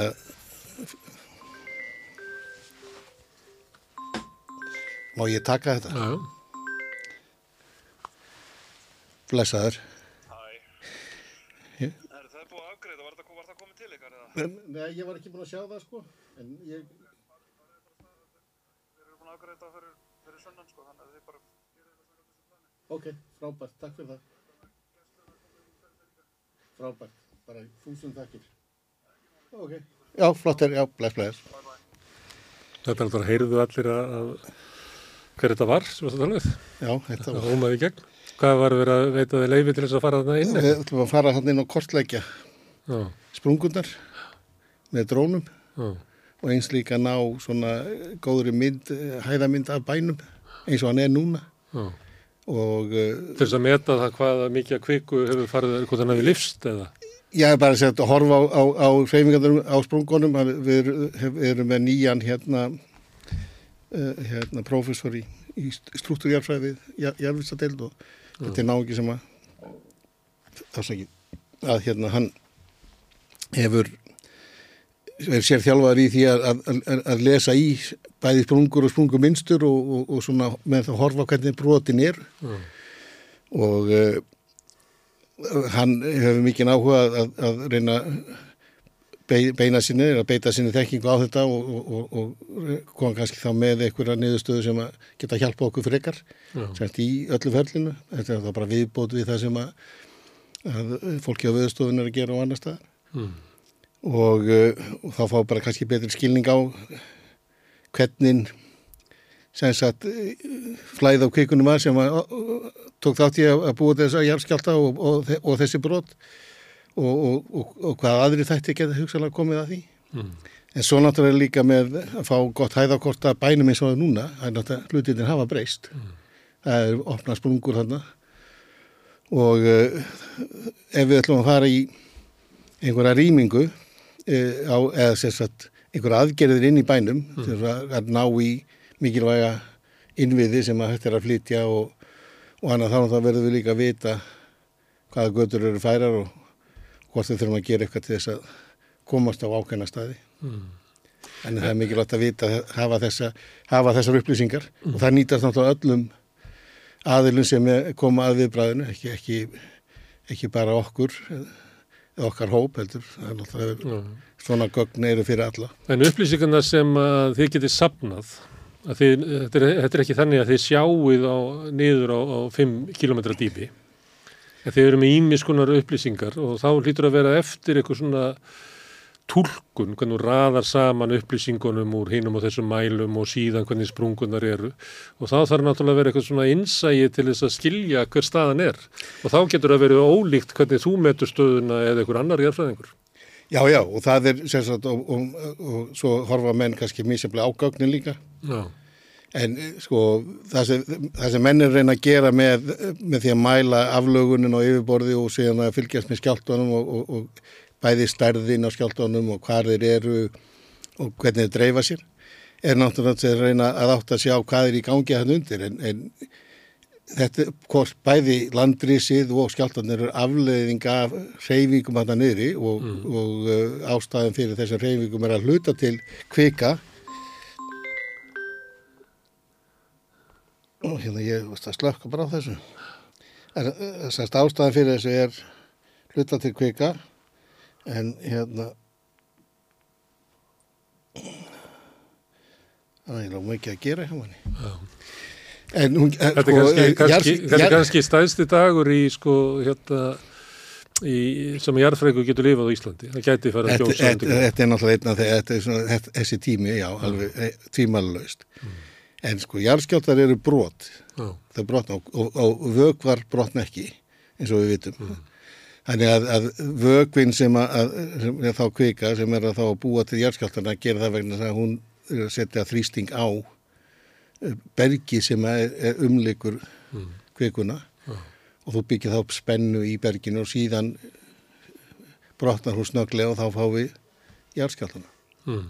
Og svo hafa menn sko hérna stundum hérna eh, geta fyllt að reyfingu kvikunar út frá þessu, þessu fæslu skjáltana.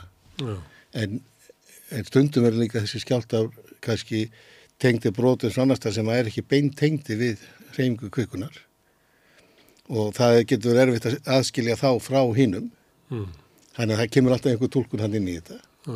þetta er svona, eða má ég segja að þetta sé sko þetta er svona hérna hvað var nú þetta út um mér Mm. Við erum að horfa át úr fjalla, við sjáum ekki reyfingarnar, við erum að reyna að, nota óbeinar mælinga til þess að segja ykkur hvað En það hefur verið svona, eh, verið að, það var nú næstuði verið að að, gaggrína þig fyrir að, að vera með of hérna svartar spár Mhm. og svartar, svartar sviðsmyndir. Að þá fór maður að veltaði fyrir sér þegar var, átti það sama við hann Ármann hérna og þeir eru báðir svona eldfjallafræðingar. Er, er munur á því hvort að hérna, að fólk sé að horfa á þetta út frá ykkar fræðigrein eða bara annars konar jarðeðlisfræði eða öðru slíku? Er, er, er, Já, Þá maður að veltaði fyrir sér hver er að nei, segja mér þetta? Þetta er bara mjög, það er góð spurning og góðu punktur. Já. Sko, við höfum öll mismunandi bakgrunn Já. Og uh, það veit svo til að okkar, sérmyndun okkar ármanns er í, í eldfjallafræði, Mm. sem- eða físiskri eldfjallafræði, sem snýra því að skoða gósefnin og hegðun gósa og við leggjum mikið upp úr því að, að, að fylgjast með og rannsaka og mæla þegar gósum er í gangi og ekki bara einstaka sinnum heldur að fylgjast með því stöðugt.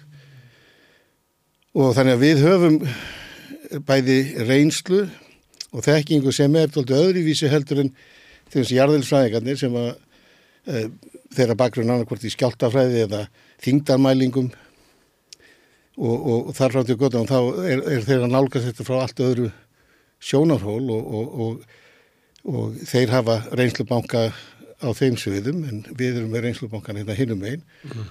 og uh, það er nú semst að þegar kemur að kvíku þá er einsægið um hegðum kvíkuna mjög mikilvægt. Kvika er mjög flókin vökvi og, og eigileika kvíkuna geta breyst hratt eh, var ef hún kólnar aðeins eða, eða þá þú þessar kristallar, um kristallar að hluta, þannig að mynda litla kristallu í henni. Eh, eins líka hvort að sé, hún sé undir álægi, það sé eitthvað þungi sem er ít á hana eða ekki. Mm.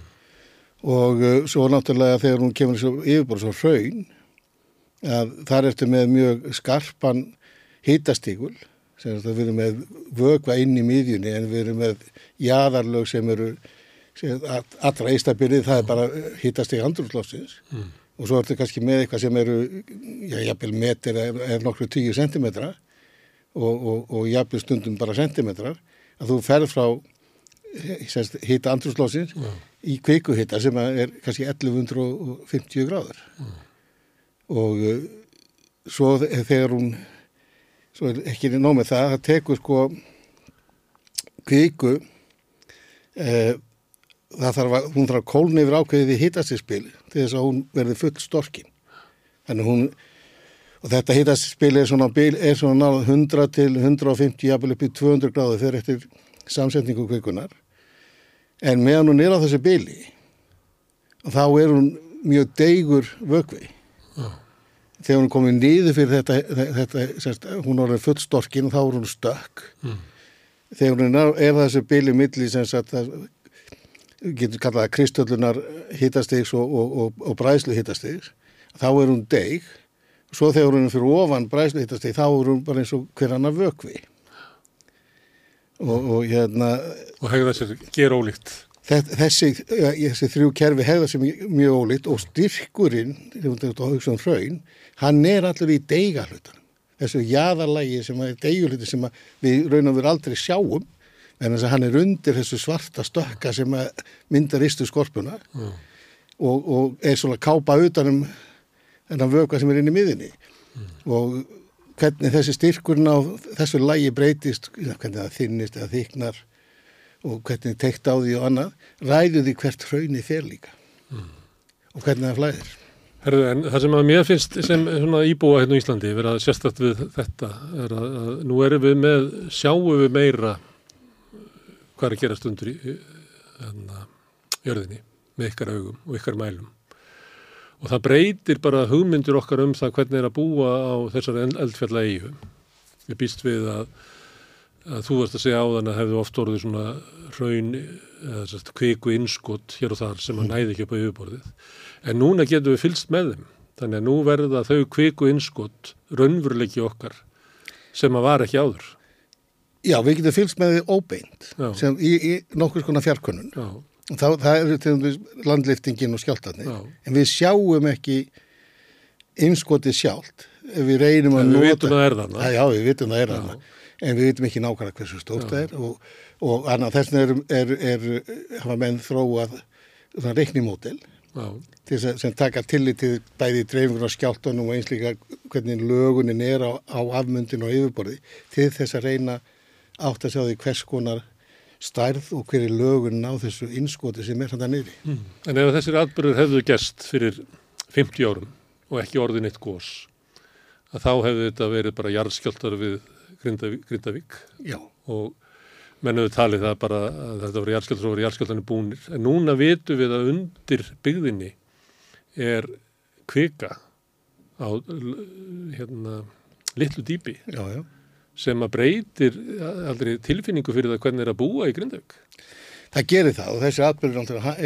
Hann er sögulur þótt að gjós ekki. Já, já, og, og þeir augljóslega mun að hafa afleðingar og, og, og breyta kannski sín fólks á hvernig það er að, að búa á, á í, bæði í Grindavík og einsleika og öðrum stöðum á landinu sem að kannski er í svipari stöðu, það geta verið í svipari stöðu. Já. og hérna það, en, en þetta er náttúrulega hluta því að búa í nálæð við eldurksvæði og eldfjöll En hættan í Grindavík og kannski Vestmanni er miklu meiri heldur en annars þar. Það er ekki þannig að, að þeir sem að bú í Grindavík séu með sömu stöð og þeir sem bú í Stikkisólmi eða Eskifyrði eða Hellu. Nei, nei, þar, þá ertu komin vel út fyrir eldurksvæði og, og, og e, á Hellu er... Eða Reykjavík?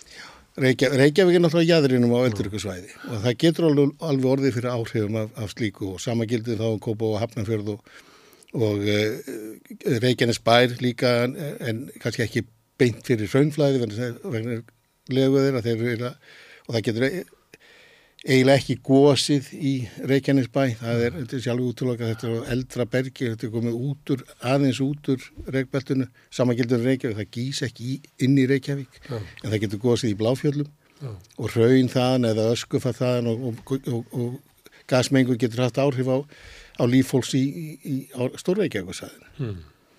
E, Grindavík er eitthvað berskjöld, vogar eru kannski svona það sem er næst á Reykjanesinu oh. og eins líka vellinir í Hafnarverði oh. því miður. Út af raun? Ja, það er bara nálag þeirra við, við virk gígasvæði.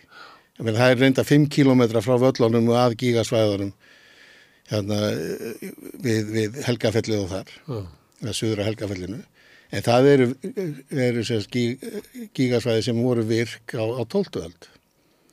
Og ég er ekki að segja þetta að ræða fólki í hafnanfyrði eða, eða segja að maður flýti burtu eða skapa hlut heldur. Bara vita af þessu og þetta getur gerst. Það getur líka, fólki í hafnanfyrði á völlunum getur búið á völlunum og það gerist ekki neitt með að það býr þar. Það gerist kannski ekki eitthvað eftir hundra ár. Er, að, þannig er þessi, þessa líkur sko, og, og, og þessi dreifing á þessar eldurinn við vitum ekkit hvena krísukerfi tekur við sér. Það gæti hugsalega gerst á morgun en miklu líklega að það gerist einhver tíman eftir einhverja tíu ára jafnvel eftir eh, eina að tvær aldir En þegar það er vaknað eins og þetta belti þarna við Grindavík mm -hmm. hvað merkir það?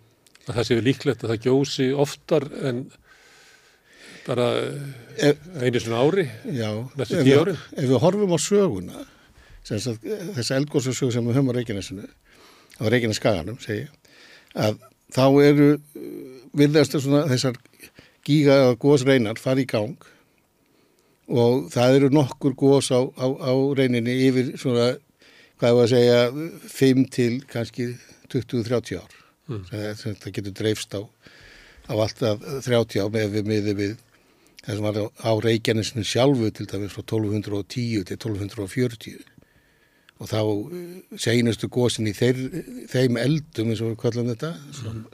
þyrpingagósum voru gósin í, á, í eldvarpum Íllarhaunni og, og Arnarsetri sem eru þess gígarein hérna vestan við Grindavík og, og, og Þorbjörnin síðan er söndnjúkarnir sem er önnur reyn og þeir voru guðsu síðast fyrir 2000 árum. Og sem kannski að reyna að segja hérna er það að þetta gengur yfir, en það getur tekið tíma. Mm. Og uh, sem sagt ef að þegar að, að þetta, þessar, þessar góðsreinu sem að mennur að sjá hann í fardarsfjallu og svo kannski í svartsenginu þetta gengið yfir, hvort sem það verður eftir nokkur ári eða, eða áratug eða eitthvað aðeins meira en það, þá er það búið kannski næstu þúsundar.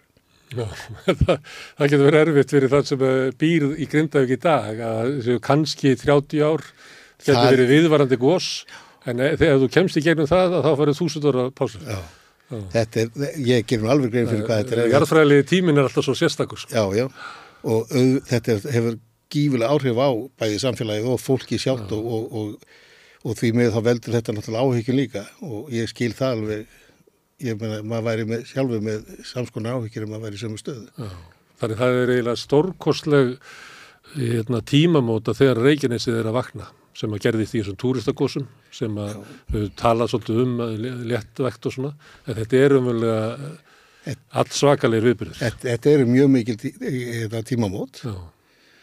og eins og segi þetta mun gangi yfir þarna á þessu svæði og þá færist það eitthvað til hvort það fer út á Reykjanes eða hingað.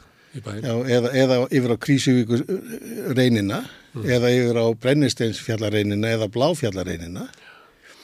Og þá verður önnu svæði sem að verða fyrir meiri áhrifum og uh, það er vinna, skíðasvæði reykvíkinga í Bláfjöllum er á gígasvæði. Mm. þannig að, að það má alveg búast við því að eitt góð við þetta þá hérna, taki það við sér og, og, og við fáum einhverja virkni á því svæði hvernig hún verður akkurat við við náttúrulega ekki um sko. Við værum til að skipta á skíðasvæðinu við Grindavík því að þetta er náttúrulega stór viðburður ef að það er möguleiki á því að sko að fjórða þúsund manns búa að, að, að, að bærin verði hann er í hættu. Já, já, og þetta er mjög mikilvæg hérna fisk, eða mikilvæg hérna, fiskveiðistöð og, og, og, og annar atverðvegir hann sem að skipta miklu máli og, og svo náttúrulega er svartsengi og, og svo bláa lóni. Sem er í hættu. Já, en við talandi um hvað, hvaða staðir er í hættu líka, Mývatn Já. er eitt stað sem er inn í gósbelti og 1724-29 var gósina þar sem að sendi hraun niðra, niðra Mývatni og það getur alveg endur tekið sér eitthvað tíman í framtíðinni.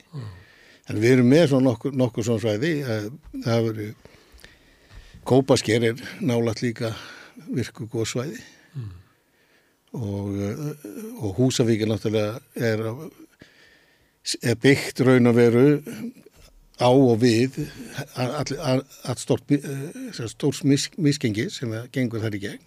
Mm. Og svo erum við með Surtsey heima í Eyjafelljökull. Já, já, og svo erum, erum við með þetta. Þetta eru, við búum á eldfjalli Mm. og við höfum okkur tekist að búa þar í 1200 ár. Mm.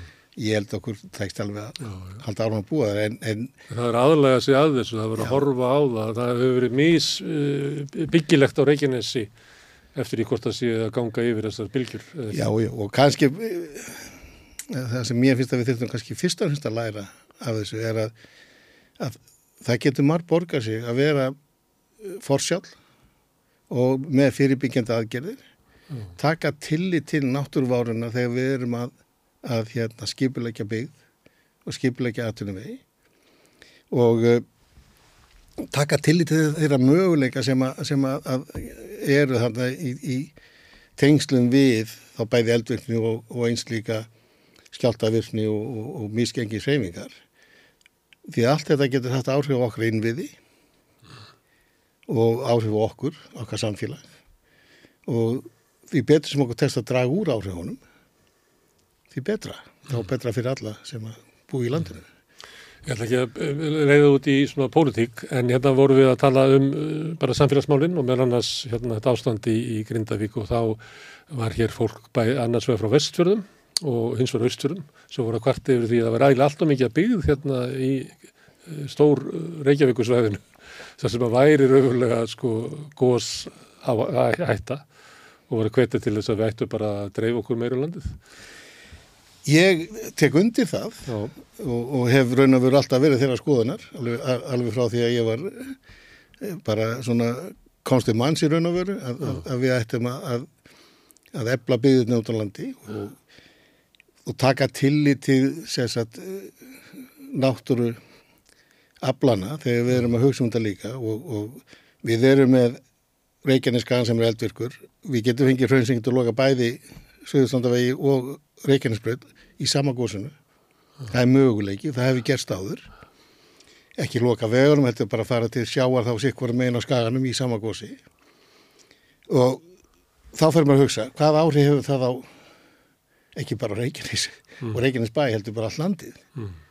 Og allt í nörstu getum við ekki farið að komið ferðamönnum eins og auðvöldlega fram og tilbaka um, um landið og það, þetta mun, mun gera þann atvinnuveg erfiðari er þá ekki skynsemi að byggja annan alþjóðlega flugvöld sem getur þá, getur þá tekið við meðan við varum að, að laga þessa hérna sviðs, þessa stöðu sem er komið, það var þá komið hér eh, og Þau finnst ekki snilt að sitta varaflugullin í, í Hellisvögn eða hvað þetta er? Nei, það er á sama hættusvæði.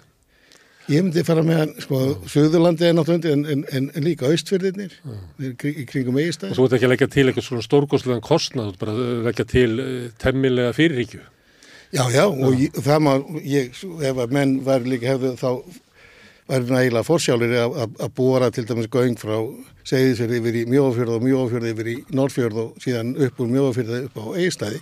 Þá er þetta búin að tengja all, allt svæðið með opna umferð árið umkring. Og það væri komin alþjóðlega flugvöldur á eigilstöðum. Þá held ég að mig komin með grundvöld fyrir svona 30-40 manna samfélagi. Og þá færi fólkið til uh, ring á Suðurlandið bara frá uh, Östurlandi í staðin fyrir frá, frá Já, já, og hluta fraktin frá Európi geti komið inn á Östfjörðum og þú veist að þetta myndi breyta dýnamíkinni mjög mikið í landinu. Þú segir það var haft þessa svona tilfinningu frá því að það var stungur, kosti vits ára, en það hefur ekki, þú hefur ekki fengið mörg eiru á hlusta enga til, en núna færðu það kannski. Er möguleiki núna, já.